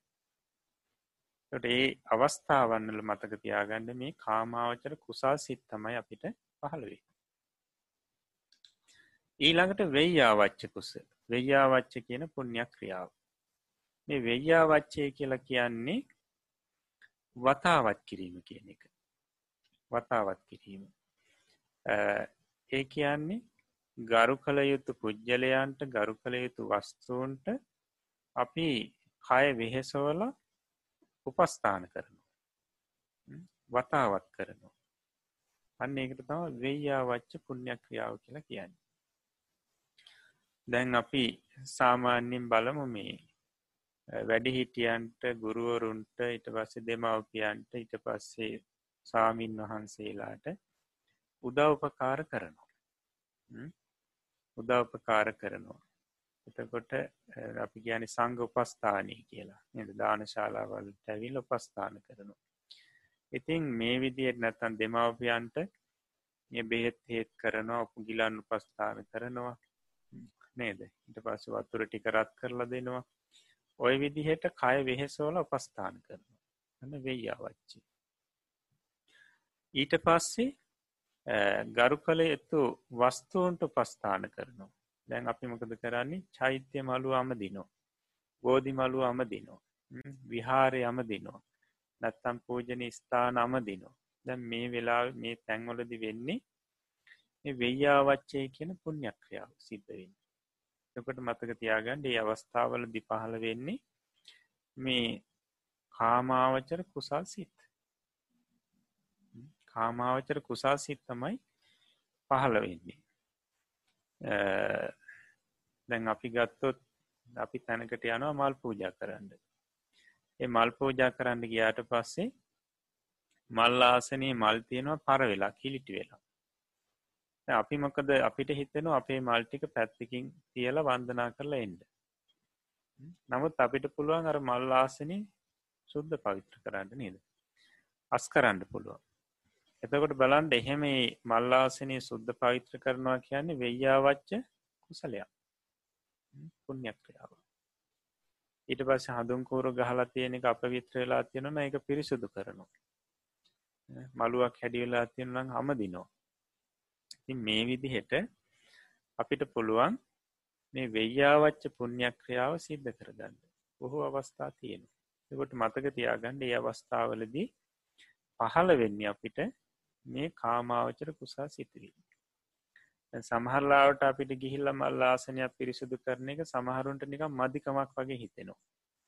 ඉටස්සේ හඳුන් පහන් වැට සුද්ධ කිරීම නිකම් මධිකමක් වගේ හිතෙන හඳුන් කෝර ගහල තියෙනෙක සුද්ධ කිරීම මධිකමක් කියලා හිතෙන ඉටාසි පූජන ස්ථානයකට ගිහිල්ල මළුවක් හමදිනවා කියන එක නිකන් එක තමන්ට ගැලපෙන් නැති දෙයක් කියලා හිතෙන සාමීන් වහන්සේලාගේ පාත්‍රාදිය සේදීම තමන්ට මධිකමක් කියල සමහර ඊට පස්සේ බුද්ධ පූජාව අස්කිරීම කියන එක ඒක නිකං තමන්ට මධිකමක් තමන්ට නොසු දුස්සක් වගේ එහෙම හිතෙනවා සමහර ඉතින් නමුත් මේ සියල්ලම වෙయ్‍යාවච්චයට අයිතියෙන දේවල්. කුසල් සිදු කරගන්න පුළුවන් අවස්ථා. ඒකයි කියන්නේ මේ වෙయ్‍යාවච්චේ කියන පුුණ්‍යක්‍රියාව සිද්ධ කිරීම තුළිනොත් කාමාවචර කුසාසිත්තමය අපිට පහළවේ තවරද අපි මේ විදිහට අපිට තවතව හිතන්ඩ පුළුවන් තව දේවල් තියෙනවා කිහිපයක් මං කිවී වෙయ్‍යාවච්ච කුසලේ සම්බන්ධය. එතකොට දැන් ඔය වෙయ్‍යාවච්ච කුසලේ සම්බන්ධයෙන් කතා කරනකොට එයින් ලැබුණු මහා විපාක ගැන සඳහන් වෙන එක කතා ප්‍රෘත්තියක් තියෙන අපේ බෝධි සත්‍යයන් වහන්සේක කතාවක් මේක ජීවිත කතාවක්. ට අපේ බෝධි සත්‍යයන් වහන්සේ පෙර ජීවිතයක තක්ෂිලා නුවර සංක බ්‍රාහ්මණ නමින් තම හිටිය. නම සංක සංක බ්‍රාහ්මණයෙක් ඉතින් මේ සංක බ්‍රාහ්මණයට හිටිය පුතෙක් සුසීම කියලා. පුතා සුසීම. අවුරුදු දාසයක් වෙනකොට පුතා මේ පියතුමාගෙන් අහනවා මට දැන් ශිල්පය ගෙන ගණ්ඩෝනි ත්‍රවේදය ගෙන ගණ්ඩෝනි ඊට පස්සේ ත්‍රවේද ඉගෙන ගැනීම සඳහා ගුරුවරයෙක් ළඟට යන්ඩ අහනෝ විමසන ඉතින් ඊට පස්සේ තමන් අඳුරන බමුණෙක් ළඟට මේ පියතුමා පිටත් කර යවනවා. එතකොට තමාගේ හිතවතා නැත්නම් ඇදුරතුමා ඉන්නේ මේ බර නැස්නුවර බර නැස්නුවර ඉන්නේ එතකොට මීට කලින් මගේ කතාව එතන ඉඳල සම්බන්ධ කරන්න ඊට කලින් කියන්න ඕනි මේ අපේ බුදුරජාණන් වහන්සේ ඔය සැව මේ රජගහනුවර ඉඳලා විශාලා මහනුවරට එක දවසක් වැඩම කරන්න තීරණය කරා. එකට හේතුව තමයි මේ විශාලා මහනුවර ඇති වුණා තුම්බිය. තුම්බිය කියල කියන්නේ රෝගබිය අමනුෂ්‍ය බිය සහ දුර්භීක්ෂ බිය කිය ඉගැන්නේ දුර්භීක්ෂයක් ඇතිවුණ ඊට පස්ස මිනිසුන්ට කණ්ඩනෑ රෝග ඇති වුණා. ඊට පස්සේ දුරවල මිනිසුන්ට අමනුෂ්‍යෝ ආවේශුණ ඉති ඊට පස්සේ බුදුරජාණන් වහන්සේට ආරාධනාවක් ආවා. විශාලා මහනුවරට වැඩම කරන්න මේ ඒ උන්වහන්සේගේ වැඩම කිරීමෙන් විශාලා මහනුවරට යහපතක් වෙයි. මේ තුම්බිය දුරුවේ කියන විශ්වාසයක් තිබුණා. විශාලා මහනුවර රාජ්‍ය පාලනය කරපු ලිච්චවි රජ දරුවන්ට එනිසා ආරාධනා කරා. බිම්බිසාර මහරජතුමා මේක දැනගත්තා. බිම්බිසාර මහරජතුමා රජගහනුවර රාජ්‍ය පාලකයා බුදුරජාණන් වහන්සේ වෙනකොට හිටේ රජගහනුවර. තින් බිම්බිසාර රජතුමා කියා සිටිය ස්වාමීණි දැම්මම් වඩින් දෙපා මට දවස් කීපයක් දෙන්න. මම ඔබහන්සට යන්ට මාර්ගය හදන්ටුව ඊට පස්සේ රජතුමා කරේ රජගහනුවර ඉඳලා මේ විශාලා මහනුවරට යනකොට මැද ගංගානම් නදී තියෙනවා. ගංගානම් නදියෙන් එහා පැත් විශාලා මහනුවර මෙහා පැත් රජගහනුවර. විශාලාම මේ ගංගානම් නදිය දක්වා දුර යොදුම් පහයි රජගහනුවර ඉඳලා. ඉටවස්සේ ගංගානම් නදීඉඳල එහා පැත්ත විශාලා මහනුවරට දුර යොදුන් තුනයි. ඉතිං බිම්බිසා රජතුමා මේ මාර්ගය හොඳට අර ගල්මුල්ටික අයින් කරලා සම කරා සමතලා කරා. යොදුම් පහක් තුර මාර්ගය ඊට පස්සේ සුදු වැලි ඇතිරෙව්වා. ඊට පස්සේ දෙපැත්තේ කොඩි කොඩිවැල් මේ එල්ලුවා. ඊට පස්සේ මේ පාරේ සාමාන්‍ය කෙනෙකුගේ දනහිස් පමණ ප්‍රමාණයට පිරෙන විදිහට පස්වනක් මල් ඇතිරෙව්වා. ඇ පාට පහක මල්. මෙන්න මේ විදියට සකස් කරලා ඒ විහාරත් යොදනින් යොදන විහාරත් හදලා බුදුරජාණන් වහන්සට මතක් කර. බුදුරජාණන් වහන්සර මල් වියන උඩින් තමයි වැඩම කර බුදුරජාණන් වහන්සේට කුඩ දෙකක් කැන උඩින් උඩින් හිටින ඉදියට කුඩ දෙකක් සම්බන්ධ කළ චත්‍රයක් හැදවා. සාමීන් වහන්සලාට එක චත්‍රයයි ඉතින් මේ විදියට හැදුවත් දෙවරු බ්‍රහ්මය එකතු වෙලා අකනිටා බ්‍රහ්මලෝකයේ දක්වාම අර චත්‍ර පිට චත්‍ර බුදුරජාණන් වහන්සට අල්ලනොද. ඒවගේම කොඩි කොඩි අකනිටා බ්‍රහ්ම ලෝකය දක්වා මේ කොඩිවලින් ඉතිරී පැතරී තියෙනවල මේ ගමනට. බුදුරජාණන් වහන්සේට මේ ගමන වැඩම කරනකොට මෙන්න මේ විදිේ උන්වහන්සේට පූජා සත්කාර ලැබෙනවා. දෙන් උන්වහන්සේ යොදුම් පහක් මානී මේ පූජා සත්කාර මැද්දි වඩිනු. ඊටවස ගංගා නම් නදියේ පංචවර්ණ මල් පිපෙනවා උන්වහන්සේ එ නැවෙන් වැඩම කරන. ඊට පස්සේ විශාලා මහනුවර හිටපු ලිච්චවි රජදරුවෝ මීට වඩා දෙගුණේක පූජාවක් එහෙදි කරන. අර පාර සමතලා කරලා වැලි අතුරලා ඊට පස්සේ පංචවර්ණ මල් පුරවලා ඊට පස්සේ චත්‍රපිට චත්‍ර නංවලා කොඩිවැල් කොඩි දෙපැත්ති ගහලා වැල් ඇදලා මේ විදිිය පූජා සත්කාර කරන. ඉටවසේ බුදුරජාණන් වහන්සේ රජගහනුවරින් නික්මිලා විශාලා මහනුවරට ද උන්වහන්සේගේ දකුණු ශ්‍රීපාදය තියෙනකොටම පොකුරු වැස්සක් වහිනවා කියන. පොකුරු වැස්සක් කියලා කියන්නේ තෙමෙන්ට කැමති අයට තෙමෙන්ට පුළුවන් අකමැති අයට අකමැතියි තෙමෙන්නේ එතා පොකුරු වැස්ස කියල කිය ඒ වැස්සක් වැහලා අර විශාලා මහනුවර තිබුණු සියලුවම මලකඳන්ටික හෝදාගෙන යනවා මේ ගංගානම් නදීට පිරිසිදුවෙන ඉතින් බුදුරජාණන් වහන්සේට මේ ලැබුණු පූජා සත්කාරයදා දැකලා භික්‍ෂූන් වහන්සේලා හිතනවා ඒ බුදුරජාණන් වහන්සේගේ මහා ආනු භාවයක් උන්වහන්සේගේ තියෙන බුද්ධානු භාවය නිසා මොන්න තරං ආනිසංස ලැබුණද. ඔන්න තරන් පූජා සත්කාර ලැබුණද කියලා භික්‍ෂූන් වහන්සලා කතා වෙනවා. ඉති ඒ වෙලා විදි බුදුරජාණන් වහන්ස කියා සිටිනවා නැහැ මහනෙන මේ බුද්ධානු භාවය නිසා ලැබුණු ආනිසංස නෙවෙයෝයි. එහෙම ආනිසංසයක් නෙවෙයි යෝක සංසාරි කරපු ස්වල්ප මාත්‍ර කුසලේක විපාකයක් ඔයි ලැබී. ස්වල්ප මාත්‍ර කුසලේක විපාකයක්. මොකක්ද මේ කුසලේ කියන එක බුදුරජාණන් වහන්සේදා පැහැදිලි කරා. එක තමයි මඟර මුලින් පටන් ගත්ත එක කියන්න. තක්ෂලා නුවර හිටිය සංක කියලා බ්‍රාක්්මණය පුතා හිටිය සුසීම කියලා. පුතාට අවුරුදු දාසේ වෙනකොට ඉගෙන ගණ්ඩෝනි කිවට පසි ත්‍රිවේදය. ඊට පස්සේ ගුරුවරයෙක් ළඟට යවනවා මේ බරණැස් නුවරට. ගුරුවරය ළඟ ගිහිලා ඉතාම ඉක්මනින් ත්‍රිවේද ඉගෙනගෙන අහනවා. මේ ත්‍රිවේදයේ මුලත් පේනවා මැදත් පේනවා මේක කෙලවරක් නැහැනි. කෙලවරක් පේන්න ඇනමේ ශිල්පේ. තව තව තියෙනවන මේ කෙලවරක් දන්නවද කියල ගුරුවරයාගෙන් අහනවා. ගුරුවරයා කියන මමත් ඉතින් දන්නේ මෙච්චරයි. මේ හැබැයි කෙලවර දන්න පිරිසක් නං ඉන්නවා බරණස ඔය මිගදායේ. තවට බරණැස් නුවර ඔය මිගදාය ඉන්නවා. එහෙම දන්න පිරිසක්. එතෙන්ට ගියොත්නම් දැනගන්න පුළුව කිසි පතන මිගදාය. ඉතින් ඊට පස්සේ යනු අසුසීම කුමාරය. යාට පස්සේ කවුද ඉන්න? පසේ බුදුරජාණන් වහන්සේලා. අහනුව ඔබ වහන්සේලා මේ කෙලවර දන්නවාද? මේ ශිල්පෝල කෙලවර දන්නවාද? ඉතින් කියන ඔවු. කියල දෙන්න පුළුවන්ද මට? පුළුවන් කියන. හැබැයි පැවිදිෙන්ඩෝ පැවිදි කරනවා. පැවිදි කරලා ඉවෙටලා යනේන හැටි සිවුරු පෙරවන් හැටි මේවා උගන්න සංසාරය තිබුණු මහා පිනක් නිසා කෙටි කාලෙම්ම සුසීම ස්වාමීන් වහන්සේ පසේ බුද්ධත්වයට පත්වෙන ආයුෂ ටිකයි තිබුණේ පිරිනුවන් පාන.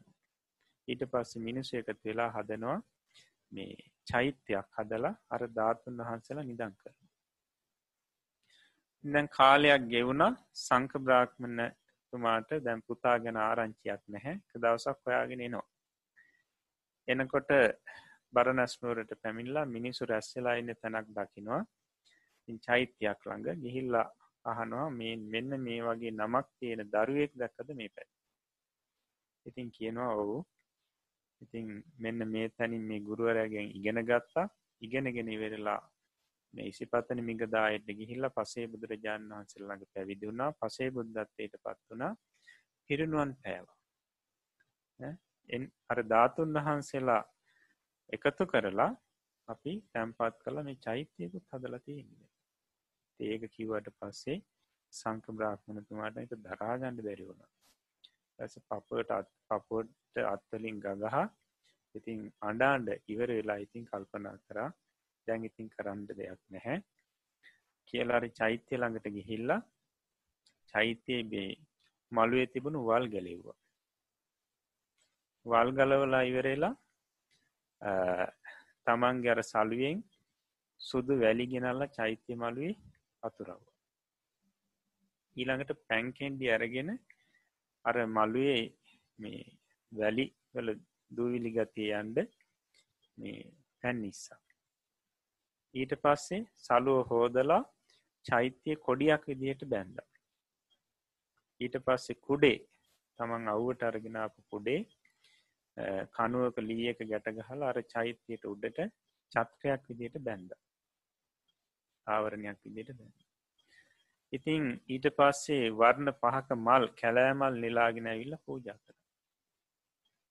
පූජ කර. ඉතින් බුදුරජාණන් වහන්සේ දේශනා කරා එදායේ සංක බ්‍රාහ්මණතුමා වෙන කවුරුවත් නෙවෙයි මම. මමයි. එදා මම අර චෛත්‍ය මළුවේ වල්ටික ගලෝපු ඒ පිනෙන් තමයි මට මේ යොදුම් අටක් මාර්ගය සම්පූර්ණයම මේ වලගොඩලි නැතුව ගල්මුල් ලිවත් කරලා සම කරලා හැදුනේ. ඊට පස්ස යොදුන් අටක් මාර්ගයේ සුදුවැලි ඇතුරුණේ එදා මම සලුවෙන් වැලි ගෙනල්ලා අර මළුවට දාලා මළුව සකස් කරපු නිසා. ඊට පස්සේ මම විශාලා මහනුවරට දකුණු ශ්‍රී පාදය තබනකොට අර පොකුරු වැස්සක් වැස්සේ එදා මම පැන්කෙන්ඩියෙන් පැන්ගෙනල්ලා අර මළුවට ඉහෙපු නිසා ඒ පිණි ඊළඟට අකනිටා බ්‍රහ්මලෝකය දක්වා කොඩිවැල් බැඳුනේ එදාමම් මගේ සලුව කොඩියක් කරලා චෛත්‍යයට පූජ කරපු නිසා ඒවගේම අකනිටා බ්‍රහ්මලෝකයේ දක්වාම චත්‍රපිට චත්‍ර නැංගුණේ මට එදා මගේ අර කුඩය චෛත්‍යයට චත්‍රයක් විදියට පූජ කර නිසා. එතකොට බලන්ඩ දැන් මෙතනදී මේ වල් ගලවනවා වැලිගෙනල්ල දානවා ඒ වගේම පැන් ඉහිනවා නේද? එතකොට මේ කටයුතු වලදි මොකක්ද මේ සිද්ධ වෙන්නේ? වෙයාවච්ච පුුණ්්‍ය ක්‍රියාව අන්නේ වෙයාවච්ච පුුණ්්‍ය ක්‍රියාවට ලැබුණු ආනිසංස බලන්ට බුද්ධත්වයට පත්වුණු ආත් භාවේදී ලැබුණු ආනිසංස. ඉතින් ඒ නිසා උන්වහන්ස පැහැදිලි කරා මත්තා සුක පරිච්චාගා පස්සේචේ විපුලන්සුක. ඉතින් මේ මහත් වූ සැපය බලාපොරොත්තුවමින් සුළු සැපේ අතහරින්ට කිය. තමන්ට ඒ වෙලාවෙදි කයට් කයේ වෙහෙසක් ඇතිවෙනවා කයට පීඩාවක් ඇතිවෙනවා කියලා ඒ කායික සැපේ බලාපොරොත්තුවෙන් අර වල් ගැලවීම ආදී ඒ ටික නොකරනම් තමන්ට මේ විදිේ මහත් වූ සැපයක් විපාකයක් ලැබෙන්නේ නැහැ අන්නේ නිසා මහත් වූ සැපේ වෙනින් සුළු සැපේ අතහරින්න කියලා කිය හොඳයි. එතකොට අපියෝ කිවේ වෙයාවච්ච පුුණ්ඥක් ක්‍රියාව ගැන. ඊළඟට පත්තිදාන නේද? පත්තිදාන. පත්තිදානී කියලා කියැනි පින්දීම. පින්දීම. එතකොට පින්දීම කියනකොට තමන් පිනක් කරලා ඒ පින අනිත්තයට අනුමෝදන් කරනවා. ඒක තමයි පින්දීම කියලා කැන ඇත්තන් අපි කියන ප්‍රාප්ති දානී කියලා. සාමාන්‍යෙන් අපිට මියගියපු ඥාතීන්ට පින් දෙන්නත් පුළුවන්. ඒගොල්ලො පරදත්වූප ජීවී කියන ප්‍රේතලෝක ඉපදිලා ඉන්නවානම් මේ ජීවිතය අපි පින් කරලා ඒ පින ඒ අය උද සානුමෝදන් කරනකොට ඒ අයටත් ඒ පින ලැබෙනවා. සැප සම්පත් ලැබෙනවා. ඊළඟට අපි මේ ජීවිතයේ පින් කරලා අපි අතර ඉන්න පිරිසට අනුමෝදන් කරන ඒ කොහොමද? මම අසවල් චෛත්‍යය හදන්ඩ ඔන්න උපකාරයක් කර ආධාරයක් කරා. ඉතිං ඒ ඒ කරපු පින අනුමෝදං වෙන්ඩ කියලා කියන එතකොට අනික් කෙනත් ඒ ගැන හිතල සාදු සාධූ කියල සතුට වෙන අන්න පුුණ්‍ය. එතකොට මෙයා පින දුන්න. අනික් කෙන අනුමෝදන්න ට පින දීම කියලා කියන්නේ එකයි තමන් කරගත්තු පින අනිත් අයට අනුමෝදන් කරනවා තවට විශේෂයෙන් අපි දැනගණ්ඩුවනින් අපි අදමම් පිනක් කර ඒ අනුමෝදන් වෙන්ඩ කියලා කියන්න නැතුව සාමාන්‍ය මං මේ මේ විදිේ තැන්වලට ගියා මෙන්න මෙහෙම මෙහෙම පින් කරා මේ විදියට මල් පෝජා කරා පහන් පෝජා කරා කියලා ඒ සිදුවීම කියලා ඒක අනුමෝදන් වෙන්ඩ කියලා කියන්නුව එතකොට තමයි ඒයාටත් අහනකොට අනිත් කෙනටත් අහනකොට අර සිද්ධි දාමී මතක් වෙනවා එතකොට ඒක තමයි සතුට සිතින් අනුමෝදන් වෙන්නේ ගැන සතුටේනවා. එතකොට පින්දීමේදී අපි අන්න අර විදියට පින් දෙෙන්ටුව පින් දෙෙන්ටුව. එතවට සාමාන්‍ය අපිට පින් දෙන්නට නම් අපිටම ඊරිසියාව කියන එක අඩුවෙන්ටුව. ඊර්සියාව තියෙන කෙනාට මේ පින් දෙන්න හරි අමාරු. පින් දෙන්නේ නෑ එහෙම. පිනත් තමන්ගේ පින අනිත් අයට දෙන්ඩ මැලි වෙනවා.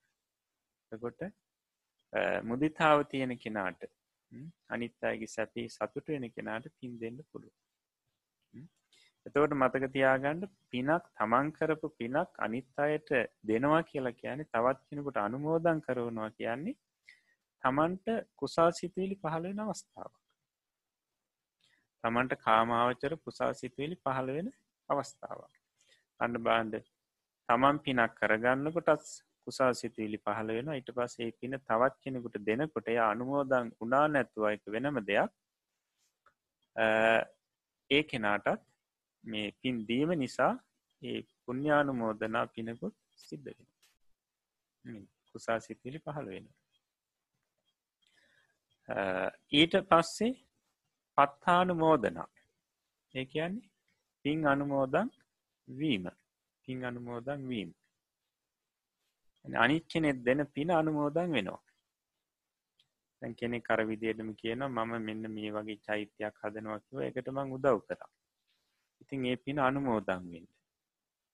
මෙච්චර ප්‍රමාණයකින් මං ආධාර කරා. ඒ අනුමෝදන්නේ එතකට අනික් කෙන අනේ සාදු සාදු බොහෝම වටිනා පිනක් කියය කියලා සතුට වෙනවා. එතකොට අන්න මේ පින් අනුමෝදන් වීම් පින සිද්ධ වෙනවා. අර අපින් අනුමෝදන් කිරීම වසයෙන් පිනක් කරගත්ත තමන් පින් අනුමෝදන් වීම් වසයෙන් පිනක් කරගත්ත. දැන් ඒකත් ඔය පින් අනුමෝදන් වීම කියන එකත් ඊර්ෂාව තියෙන අයට කරන්න අමාරු ඒ කොහොමද අපි කියනවා? අසවල් චෛත්‍යය හදන්ඩ මම ආධාර කරා මෙච්චරක්.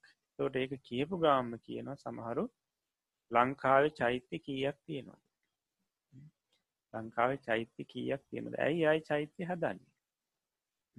ඔය අසරණ මනුස්සයකුට ඕක දුන්නන ඉවරයින්. අන්න ඒ විදිහට අරකට විරුද්ධව කතා කරන අර පින අනුමෝදන්ගන්න කැමති ඊට පස් ඒත් එක්ක මහන කොච්චර ප්‍රමාණයක් දුන්නද? ඇයි එච්චර ප්‍රමාණයක් දුන්නේ? අපරාධනි. තමන්ගේ වැඩකට යොදාගන්නඩ තිබ්බනි. දරුවන්ගේ වැඩකට ඕක යොදාගන්න තිබ්බනි. ඔය විදිහට කියනවා. ඒ කියන්නේ අර ඒ ලැබුණු පාර්සවයට ආධාරය ලැබුණු පාර්සවේ ඒ ලබාගෙන මේ සතුටින් ඉන්නවා දකිින්ට බැරිකම ඒ පැත්තේ දියුණුවක් වෙනවා දකිින්ට බැරිකම එක කැමති නැතිකම ඉතින් මෙන්න මේ විදිහට මේ පින් අනුමෝදන් කරාට පින් අනුමෝදන් වෙන පිරිස අඩුයි. දා කඩුයි. නමුත් අපිට තියෙන්නේ අපි කරපු පින්න අපිට පුළුවන් තව පිනක් කර ගැනීම සඳ අනුමෝදන් කරන්න. අනුමෝදන් වුණා නැත අපිට පින් අනුමෝදන් කිරීමේ පින සිද්ධ වෙනවා. පින් අනුමෝදන් වෙනකොට අනික් කෙන යාට අන්න පත්තාන මෝදනා කියන පුුණ්ඥක් ක්‍රියාව සිද්ධ වෙන එතකොට එයාට කාමාවචර කුසාසිත් පහළ වෙනවා. ඊට පස්සේ දම්ම සවන නේද? දහම් ශ්‍රවනය බණ ඇසීම. බණ ඇසීම කියලා කියන්නෙත් මේ තමන්ගේ මෙලෝ යහපත වෙනුවෙන් පරලෝ සුගතිය වෙනුවෙන් නිවන් දැකීම වෙනුවෙන් කෙලෙස් ධර්මයන් යටපත් කර ගැනීම අදහසින් බණහනො මේ පිරිසුදු චේතනාව. ඒ බනාහන කොටත් පහළ වෙනවා කුසල් සිතිවිරි නැත්තං ඔය කාමාවචර කුසා සිත් තමයි පහළවෙන්න බණ ඇසීම තුළින් ඉතිං ධර්මස්ට්‍රවනය ගැන කියනකොට ඉතින් විශේෂයම කියන්න තියෙන්නේ බණ අහනකොට හිත මොන තරන් නිවෙනවාද නේද? වෙන කිසිවක් අහනුවට වඩා බණක් කානකට හිත කොච්චර නිවෙනවා එතනින් අපිට හොඳට තේරෙනවා මේ සන්තානය කුසල් සිත්වෙලි පහල වෙනවාගේ ඊළඟට දම්ම දේශන. ඒ කියන්නේ ධර්මය දේශනා කරන අනිත් අයට. සතරපද ගාථාවක් හරි කියල දෙනවා. එක තේරුමත් එක කියල දෙනවා. තිං ඒ තුළිනුත් වෙන්නේ මේ කුසල් සිතුවිලි පහළවීම ධර්මී දේශනා කිරීම තුළින කුසා සිතුවිලි පහළ වෙනවා. කාමාවචර කුසා සිත් ඇතිවෙන ඊළඟට දිට්ටිජු කම්ම දිට්ටිජු කම්ම කියලා කියන්නේ තමන්ගේ මේ සම්යක් දෘෂ්ටිය දියුණු කර ගැනීම. දැන් අපි කුසලේ අකුසලය කියන එක අපි හොඳට තේරුම් ගන්න. යම් පමණකට අපි දන්නවා තැන් පිරිසට තේරෙන ඇති දැන් අභිධර්ම ඉගෙන ගන්නකොට හරියටම කුසලේ කියන්න මොකක්ද අකුසලේ කියන්න මොකක්ද කියලා හොඳට පැහැදිලිව තේරෙනවා නේද?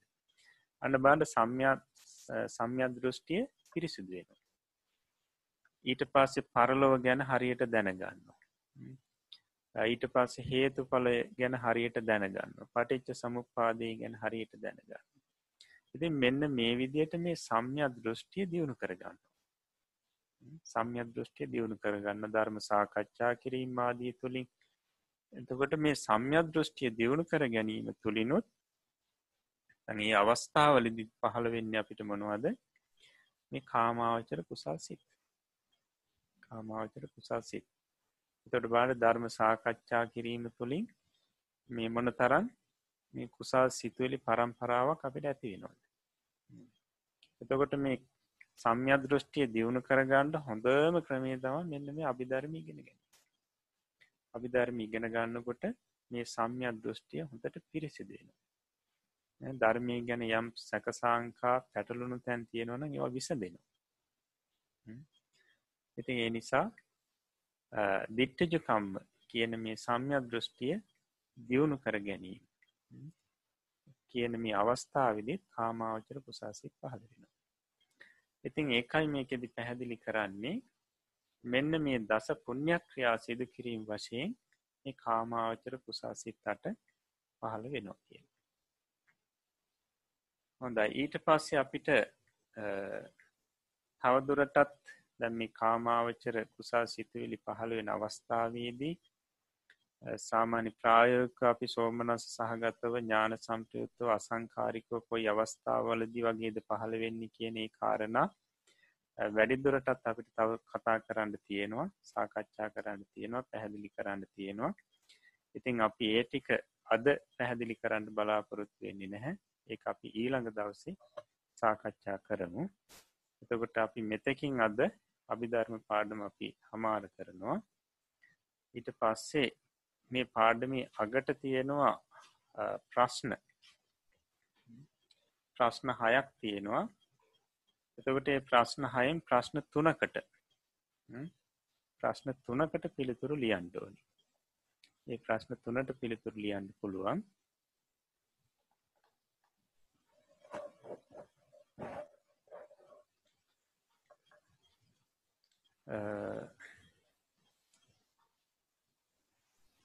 කුසල චිත්තය යනු කුමක්ද? ඊළඟට කාමාවච්චර කුසල චිත්තේ බෙදී තිබෙන්නේ කවර කරුණුවලින්ද ඊළඟට කාමාවචර කුසලයට කියන අනික් නම කුමක්ද? ඔන්න ඔය ප්‍රශ්න තුනට පිළිතුරු ලියන්න. ඊට පස්සේ අපි පසු දවසේ සාකච්ඡා කරමු. හොඳයි. ඊළඟට අපිට තියෙන්නේ පාලි පාඩම. එදා අපි යම් පාට කීපයක් පාලි පාට කීපයක් දුන්නා. සිංහලයට පරිවර්තනය කරන්න එලියලත්තියෙන් ටික දැම් බලාගන්න. පලවෙනි එක තියෙනවා පුරිසස්ස පාදා. එක සිංහල තේරුමෙන්ඩුවනි පුරුෂයාගේ පාදයෝ කියලා. ඉළඟට දේවස්ස හත්තහෝ ඒක අර්ථය තමයි දෙවියාගේ අත. ඊළඟට බුද්ධස්ස ධම්මෝ. බුදුරජාණන් වහන්සේගේ ධර්මය. ඊළඟට ගෝපාලස්ස ලේකකා ගොපල්ලාගේ ලියන්නෝ. ළඟට අම්හාකන් සංගහෝ අපගේ සංගහා වහන්සේ. ට මයිහන් චෝරෝ මාගේ සොරා. ඉළඟට තව පුරිසා තාගේ පුරුෂයෝ. ඉට පස්සේ තුම්හාකං හත්තහෙසු තොපගේ අත් කෙරෙහි නැත්තං අපි කියන නුබලාගේ අත් කෙරෙහි කියලා. එහෙම ලිවත් හරිය. ඉළඟට බුද්ධහනම් පාදා බුදුරජාණන් වහන්සේලාගේ පාදයෝ. ඉළඟට අම්හාකම් බුද්ධහෝ අම්හාකන් ධම්මෝ අම්හාකන් සංගහෝ සංගහ කියන එක. අම්හාකම් බුද්ධහෝ කියන්නේ අපගේ බුදුරජාණන් වහන්සේ. අම්හාකන් ධම්මෝ අපගේ ධර්මය. අම්හාකන් සංගහ අපගේ සංගහා වහන්සේලා. ඊළඟ එක තව හත්තහා තව පාදා තව දේවෝ. තාගේ අත් තාගේ පාදයෝ තාගේ දෙවියා. නැත්තං නුඹගේ අත් නුඹගේ පාදයෝ නුඹගේ දෙවියා. හොඳ ඒ විදියට ලියලා තියෙනනම් හරි ලකුණු දාගන්න ඊළඟට අභ්‍යාසයක් තියෙනවා කරන්න. පහත සඳහන් ශබ්ද පුරුෂ ශබ්දය මෙන් වරණගන්න. පහත ශබ්ද ටික පුරුෂ ශබ්දය විදියට වරණගණ්ඩ කියලා. එන්න එතකට පුරුෂ ශබ්දය ලියපු හැටි මතකයි පිරිසට වරණන්නපු ක්‍රමයට. ඒ ක්‍රමේටම තමයි මේ ශබ්ද ටික වරණැන්වෙන්නේ පලන එක මනුස්ස අර්ථය මිනිසා. දෙවෙනි එක මිත්ත. මිත්ත කියලා ඒක උච්චාරණය වෙන්නේ. දොය තයිනු දෙක එකට බැඳිලයි තියෙන්නේ. මිතුරා ළඟට බොහෝ පාල රජු කස්සක ගොවියා කම්මකාර කම්කරුවා රජක රදවා ඒගැන රෙදි සෝදන්නා කියන එක. ඉළඟට දාස දාසයා ළඟට පුත්ත පුත්‍රයා. ඉළඟට ඒ පුත්ත කියනකොටත් හයනු දෙක එකට බැඳි ලයි තියෙන්නේ. ඉලාට කුමාර. එනකොට කුමරා කියලත් කියනවා ළමයා කියලත් අර්ථය ගණ්ඩ පුළුව කුමාරයටත් කුමාර කියලා කියන ළමයාටත් කුමාර කියලා කියන ඉළඟට කාය කියන්නේ එක අර්ථය තමයි කය. එම නැත්තන් සිරුර. හොඳයි. මේ ටික වර නංවන්ඩ අර පුරිෂි ශබ්දය විදිහටම විභක්තිවල එතකොට අපිට පුළුවන් ඊළඟ දවසක බලන්නට. හොඳයි. එමනං අපේ පාලි පාඩමත් අපි මෙතකින් අවසං කරනවා. ඊළඟට අපිට පුළුවන් ප්‍රශ්න සාකච්ඡා කරන්න. හොඳයි. එහෙම නඟඉතින් අද දවසේදී අපි අභිධර්මී කාමාවචර සිත් සම්බන්ධයෙන් ඉගෙන ගැනීම තුළින් ඊට පස්සේ පාලි පද සහ අර්ථ ඉගෙන ගැනීම තුළින් අපේ සන්තානය කුසා සිතවිලි ජනිත වුණා. මේ කුසා සිතවිලි ආනිසංස වශයෙන් හැම දෙනාටම නිදුක් නිරෝගී දිගාසිරි සැලසේවා. තව තවත් මේ ධර්ම ඉගෙන ගන්නට ඒවගේම ධර්මී සම්මර්ශනය කරන්නට ශක්තිය දහිරිය වාසනා වීරිය සැලසේවා. සත්පුරුෂ කල්්‍යයාන මිත්‍රයන්ගේ මැසුර ලැබේවා. දිව්‍යතා මණ්ඩලේ ධර්මික දේවා රක්ෂාව සැලසේවා. ප්‍රාර්ථනා පරිද්දෙන් උතුම් බෝධ ඥානවලින් නිවනින් සැනසෙන්න්නටම ලැබේවා කියලප ආශිර්වාද කරනවා. ඒ වගේම මේ ධර්මයන් අපිට කියා දුන්නු ගුරුතුමන් වහන්සේලාටත් හදා වඩා පෝෂණය කරපු දෙමාපියන්ටත් ශාසනික මවුරු පියවුරු සහෝදර සහෝදරියන්ටත්. ඒවගේම සම්බුද්ධ ශාසනය වෙනුවෙන් කාලේ ධනී ශ්‍රමී කැප කරලා මේ වෙනකොට ගිලම් බවින් පසුවන හැම දෙනාටමත්. ඒවගේම මේ උතුම් වැඩ සටහන විකාශනය කිරීම සඳහා මූලිකත්වය අරගෙන කටයුතු කරන අපේ කළුම් මහත්මය ප්‍රධාන හැම දෙනාටමත් මේ උතුම් පුුණ්්‍ය ශක්තිය ජීවිතයට ආශිර්වාදයක්ම වේවා නිදුක් නිරෝගී දිගාසිරි සැරසේවා සම්යක් ප්‍රාර්ථනා මුදුන් පත්වේවා උතුම් නිවනින් සැනසෙන්න්නටම ලැබේවා කියලා ප්‍යාශිර්වාද කරනවා. ඒවගේම ශාසනාරක්ෂක ලෝකපාලක ආත්මාරක්ෂ කල්පේශාක්‍ය මහේශාක්‍ය දිවේතා මණ්ඩලේටත් මිය පරලෝ ගොස්ස පින් බලාපොරොත්තුවෙන් පසුවන හැමටත් මේ පින් දැනේවා පෙනේවා මිපින් අනුමෝදං වෙත්වා. දෙවියොත් ඥාතීනොත් සැපේ සැපේට පත්වෙත්වා කෙලවරුතුම් නිවනින් සැනසෙත්වා කලබි පුුණ්‍යානුමෝදනා කරමු. අවසාන වශයෙන් අප හැම දෙනාටම මේ උතුම් පුුණ්‍ය ශක්තිය සතර මාර්ග සතර පල පිළිවෙලින් නිවනින් සැනසෙන්න්නටම හේතු ප්‍රකාර වේවා කියන මේ අදහස් අධිෂ්ඨානය ඇති කර ගනිමින් මංකීවට පසු මේ වාක්‍යය කියමින් නිවන්සුව ප්‍රාර්ථනා කරමු. ඉදම්මේ පුං්ඥකම්මං ධම්මේ පුඤ්ඤ කම්මං ආසවක්කයා වහං හෝතු ආසවක්කයා වහං හෝතු සබ්බ දුක්කහා පමුංචතු සබ්බ දුක්ඛා පමුංචතු මාගේ මේ පුුණ්්‍ය ධර්මය මාගේ මේ පුණ්‍ය ධර්මය මාර්ගඵල නිවන් පිණිසම මාර්ගඵල නිවන් පිණිසම හේතුවේවා හේතු වේවා වාසනා වේවා වාසනාව වේවා සාදු සාදු සාදු. අද දවසේත් ගෞරවනීය ස්වාමින් වහන්සේ අප වෙත අනුකම්පාවෙන් ලෝතුරා බුදුරජාණන් වහන්සේ මහා කරුණාවෙන් දේශනා කරන්නට යෙදුණු ඒ පරම ගම්බීර වූ අභිධර්ම දේශනාව ඉතාමත් පැහැදිලිව ඉතාමත් නිරවුල්ව ඉතාමත් විස්තරාත්මකව අපට වැටහෙන ආකාරයෙන් පැහැදිලි කර දෙන්නට යෙදුණා. ඉතින් ගෞරවනීය ස්වාමීන් වහන්සේ මහත් වෙහෙසක් අරගනිමින් සියලු දෙනාගේ සිත් සතන් සුවපත් වන ආකාරයෙන් මේ ධර්මය පැහැදිලි කරන්න ගන්නා උත්සාහය වෙහෙස මහන්සිය වෙනුවෙන් සම්බුද්ධ ශාසනයේ හිත කැමැති ඒ වගේම ඔබ අප සෑම සියලු දෙනාටම මේ නිවන අපේක්ෂාවෙන්ම මේ වැඩසටහනට සහභාගී වන්නා වූ ඔබ අප සෑම සියලු දෙනාමත් සම්බුදු ශාසනය තුළින් මේ සසර සැනසිල්ල ලබන්නට කැමති සියලු දෙනාමත් අපි අපේ ගෞරවපූරක නමස්කාරපූරක ස්තුතිය ග- අපේ ගෞරවනීය ස්වාමින් වහන්සේට පුද කර සිටින්නට ඕනෑ කරනවා.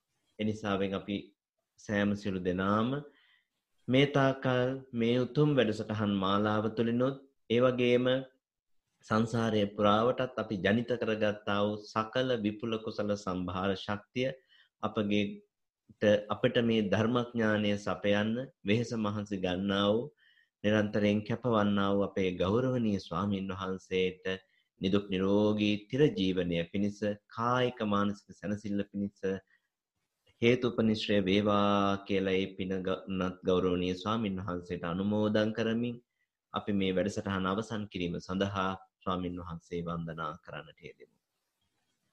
අවසරයි ස්වාමීනි. ඕකාස වන්දාමි බන්තේ ඉහොතු මයා කතං පුඤ්ඤං සාමිනා අනුමෝදිතබ්බං සාදු සාදු අනුමෝදාව සාමිනා කතං පුඤ්ඤං මයිහං දාතබ්බං සාදු අනුමෝදි තබ්බං සාදු සාදු අනුමෝදාමි. ඕකාස ద్వාරත්තයේන කතං සබ්බං අච්චයං කමත මේ බන්තේ කමාමි කමිතබ්බං. සාදෝකාස කමාමි බන්තේ. සුවපත්තේවා නිදුක් නිරෝගී දිගාසිරි සැලසේවා සුපත් සීලවන්තං ගුණවන්තං පුඤ්ඤක්කෙත්තං අනුත්තරං දුල්ලබේන මයාලද්දං බුද්ධ පුත්තං නමාමහං. අද දවසේ මේ උතුම් වැඩසටහන සඳහා සහ සම්බන්ධ වුණා වූ නන් අයුරින් ස- උපකාර කළා වූ අනුග්‍රහ දැක්වා වූ සෑම සිළු දෙනාටමත් මේ උදාහරතර පින්කම නිර්වාණ ගාමිනී කුසලයක්ම වේවායි අපි ප්‍රාර්ථනා කරමින් අද දවසේ වැඩසටහනේ පළමු අර්ධය මේ ආකාරයෙන් නිමා කරනවා. සියලු දෙනාටම සම්මා සම්බුදු සරණයි.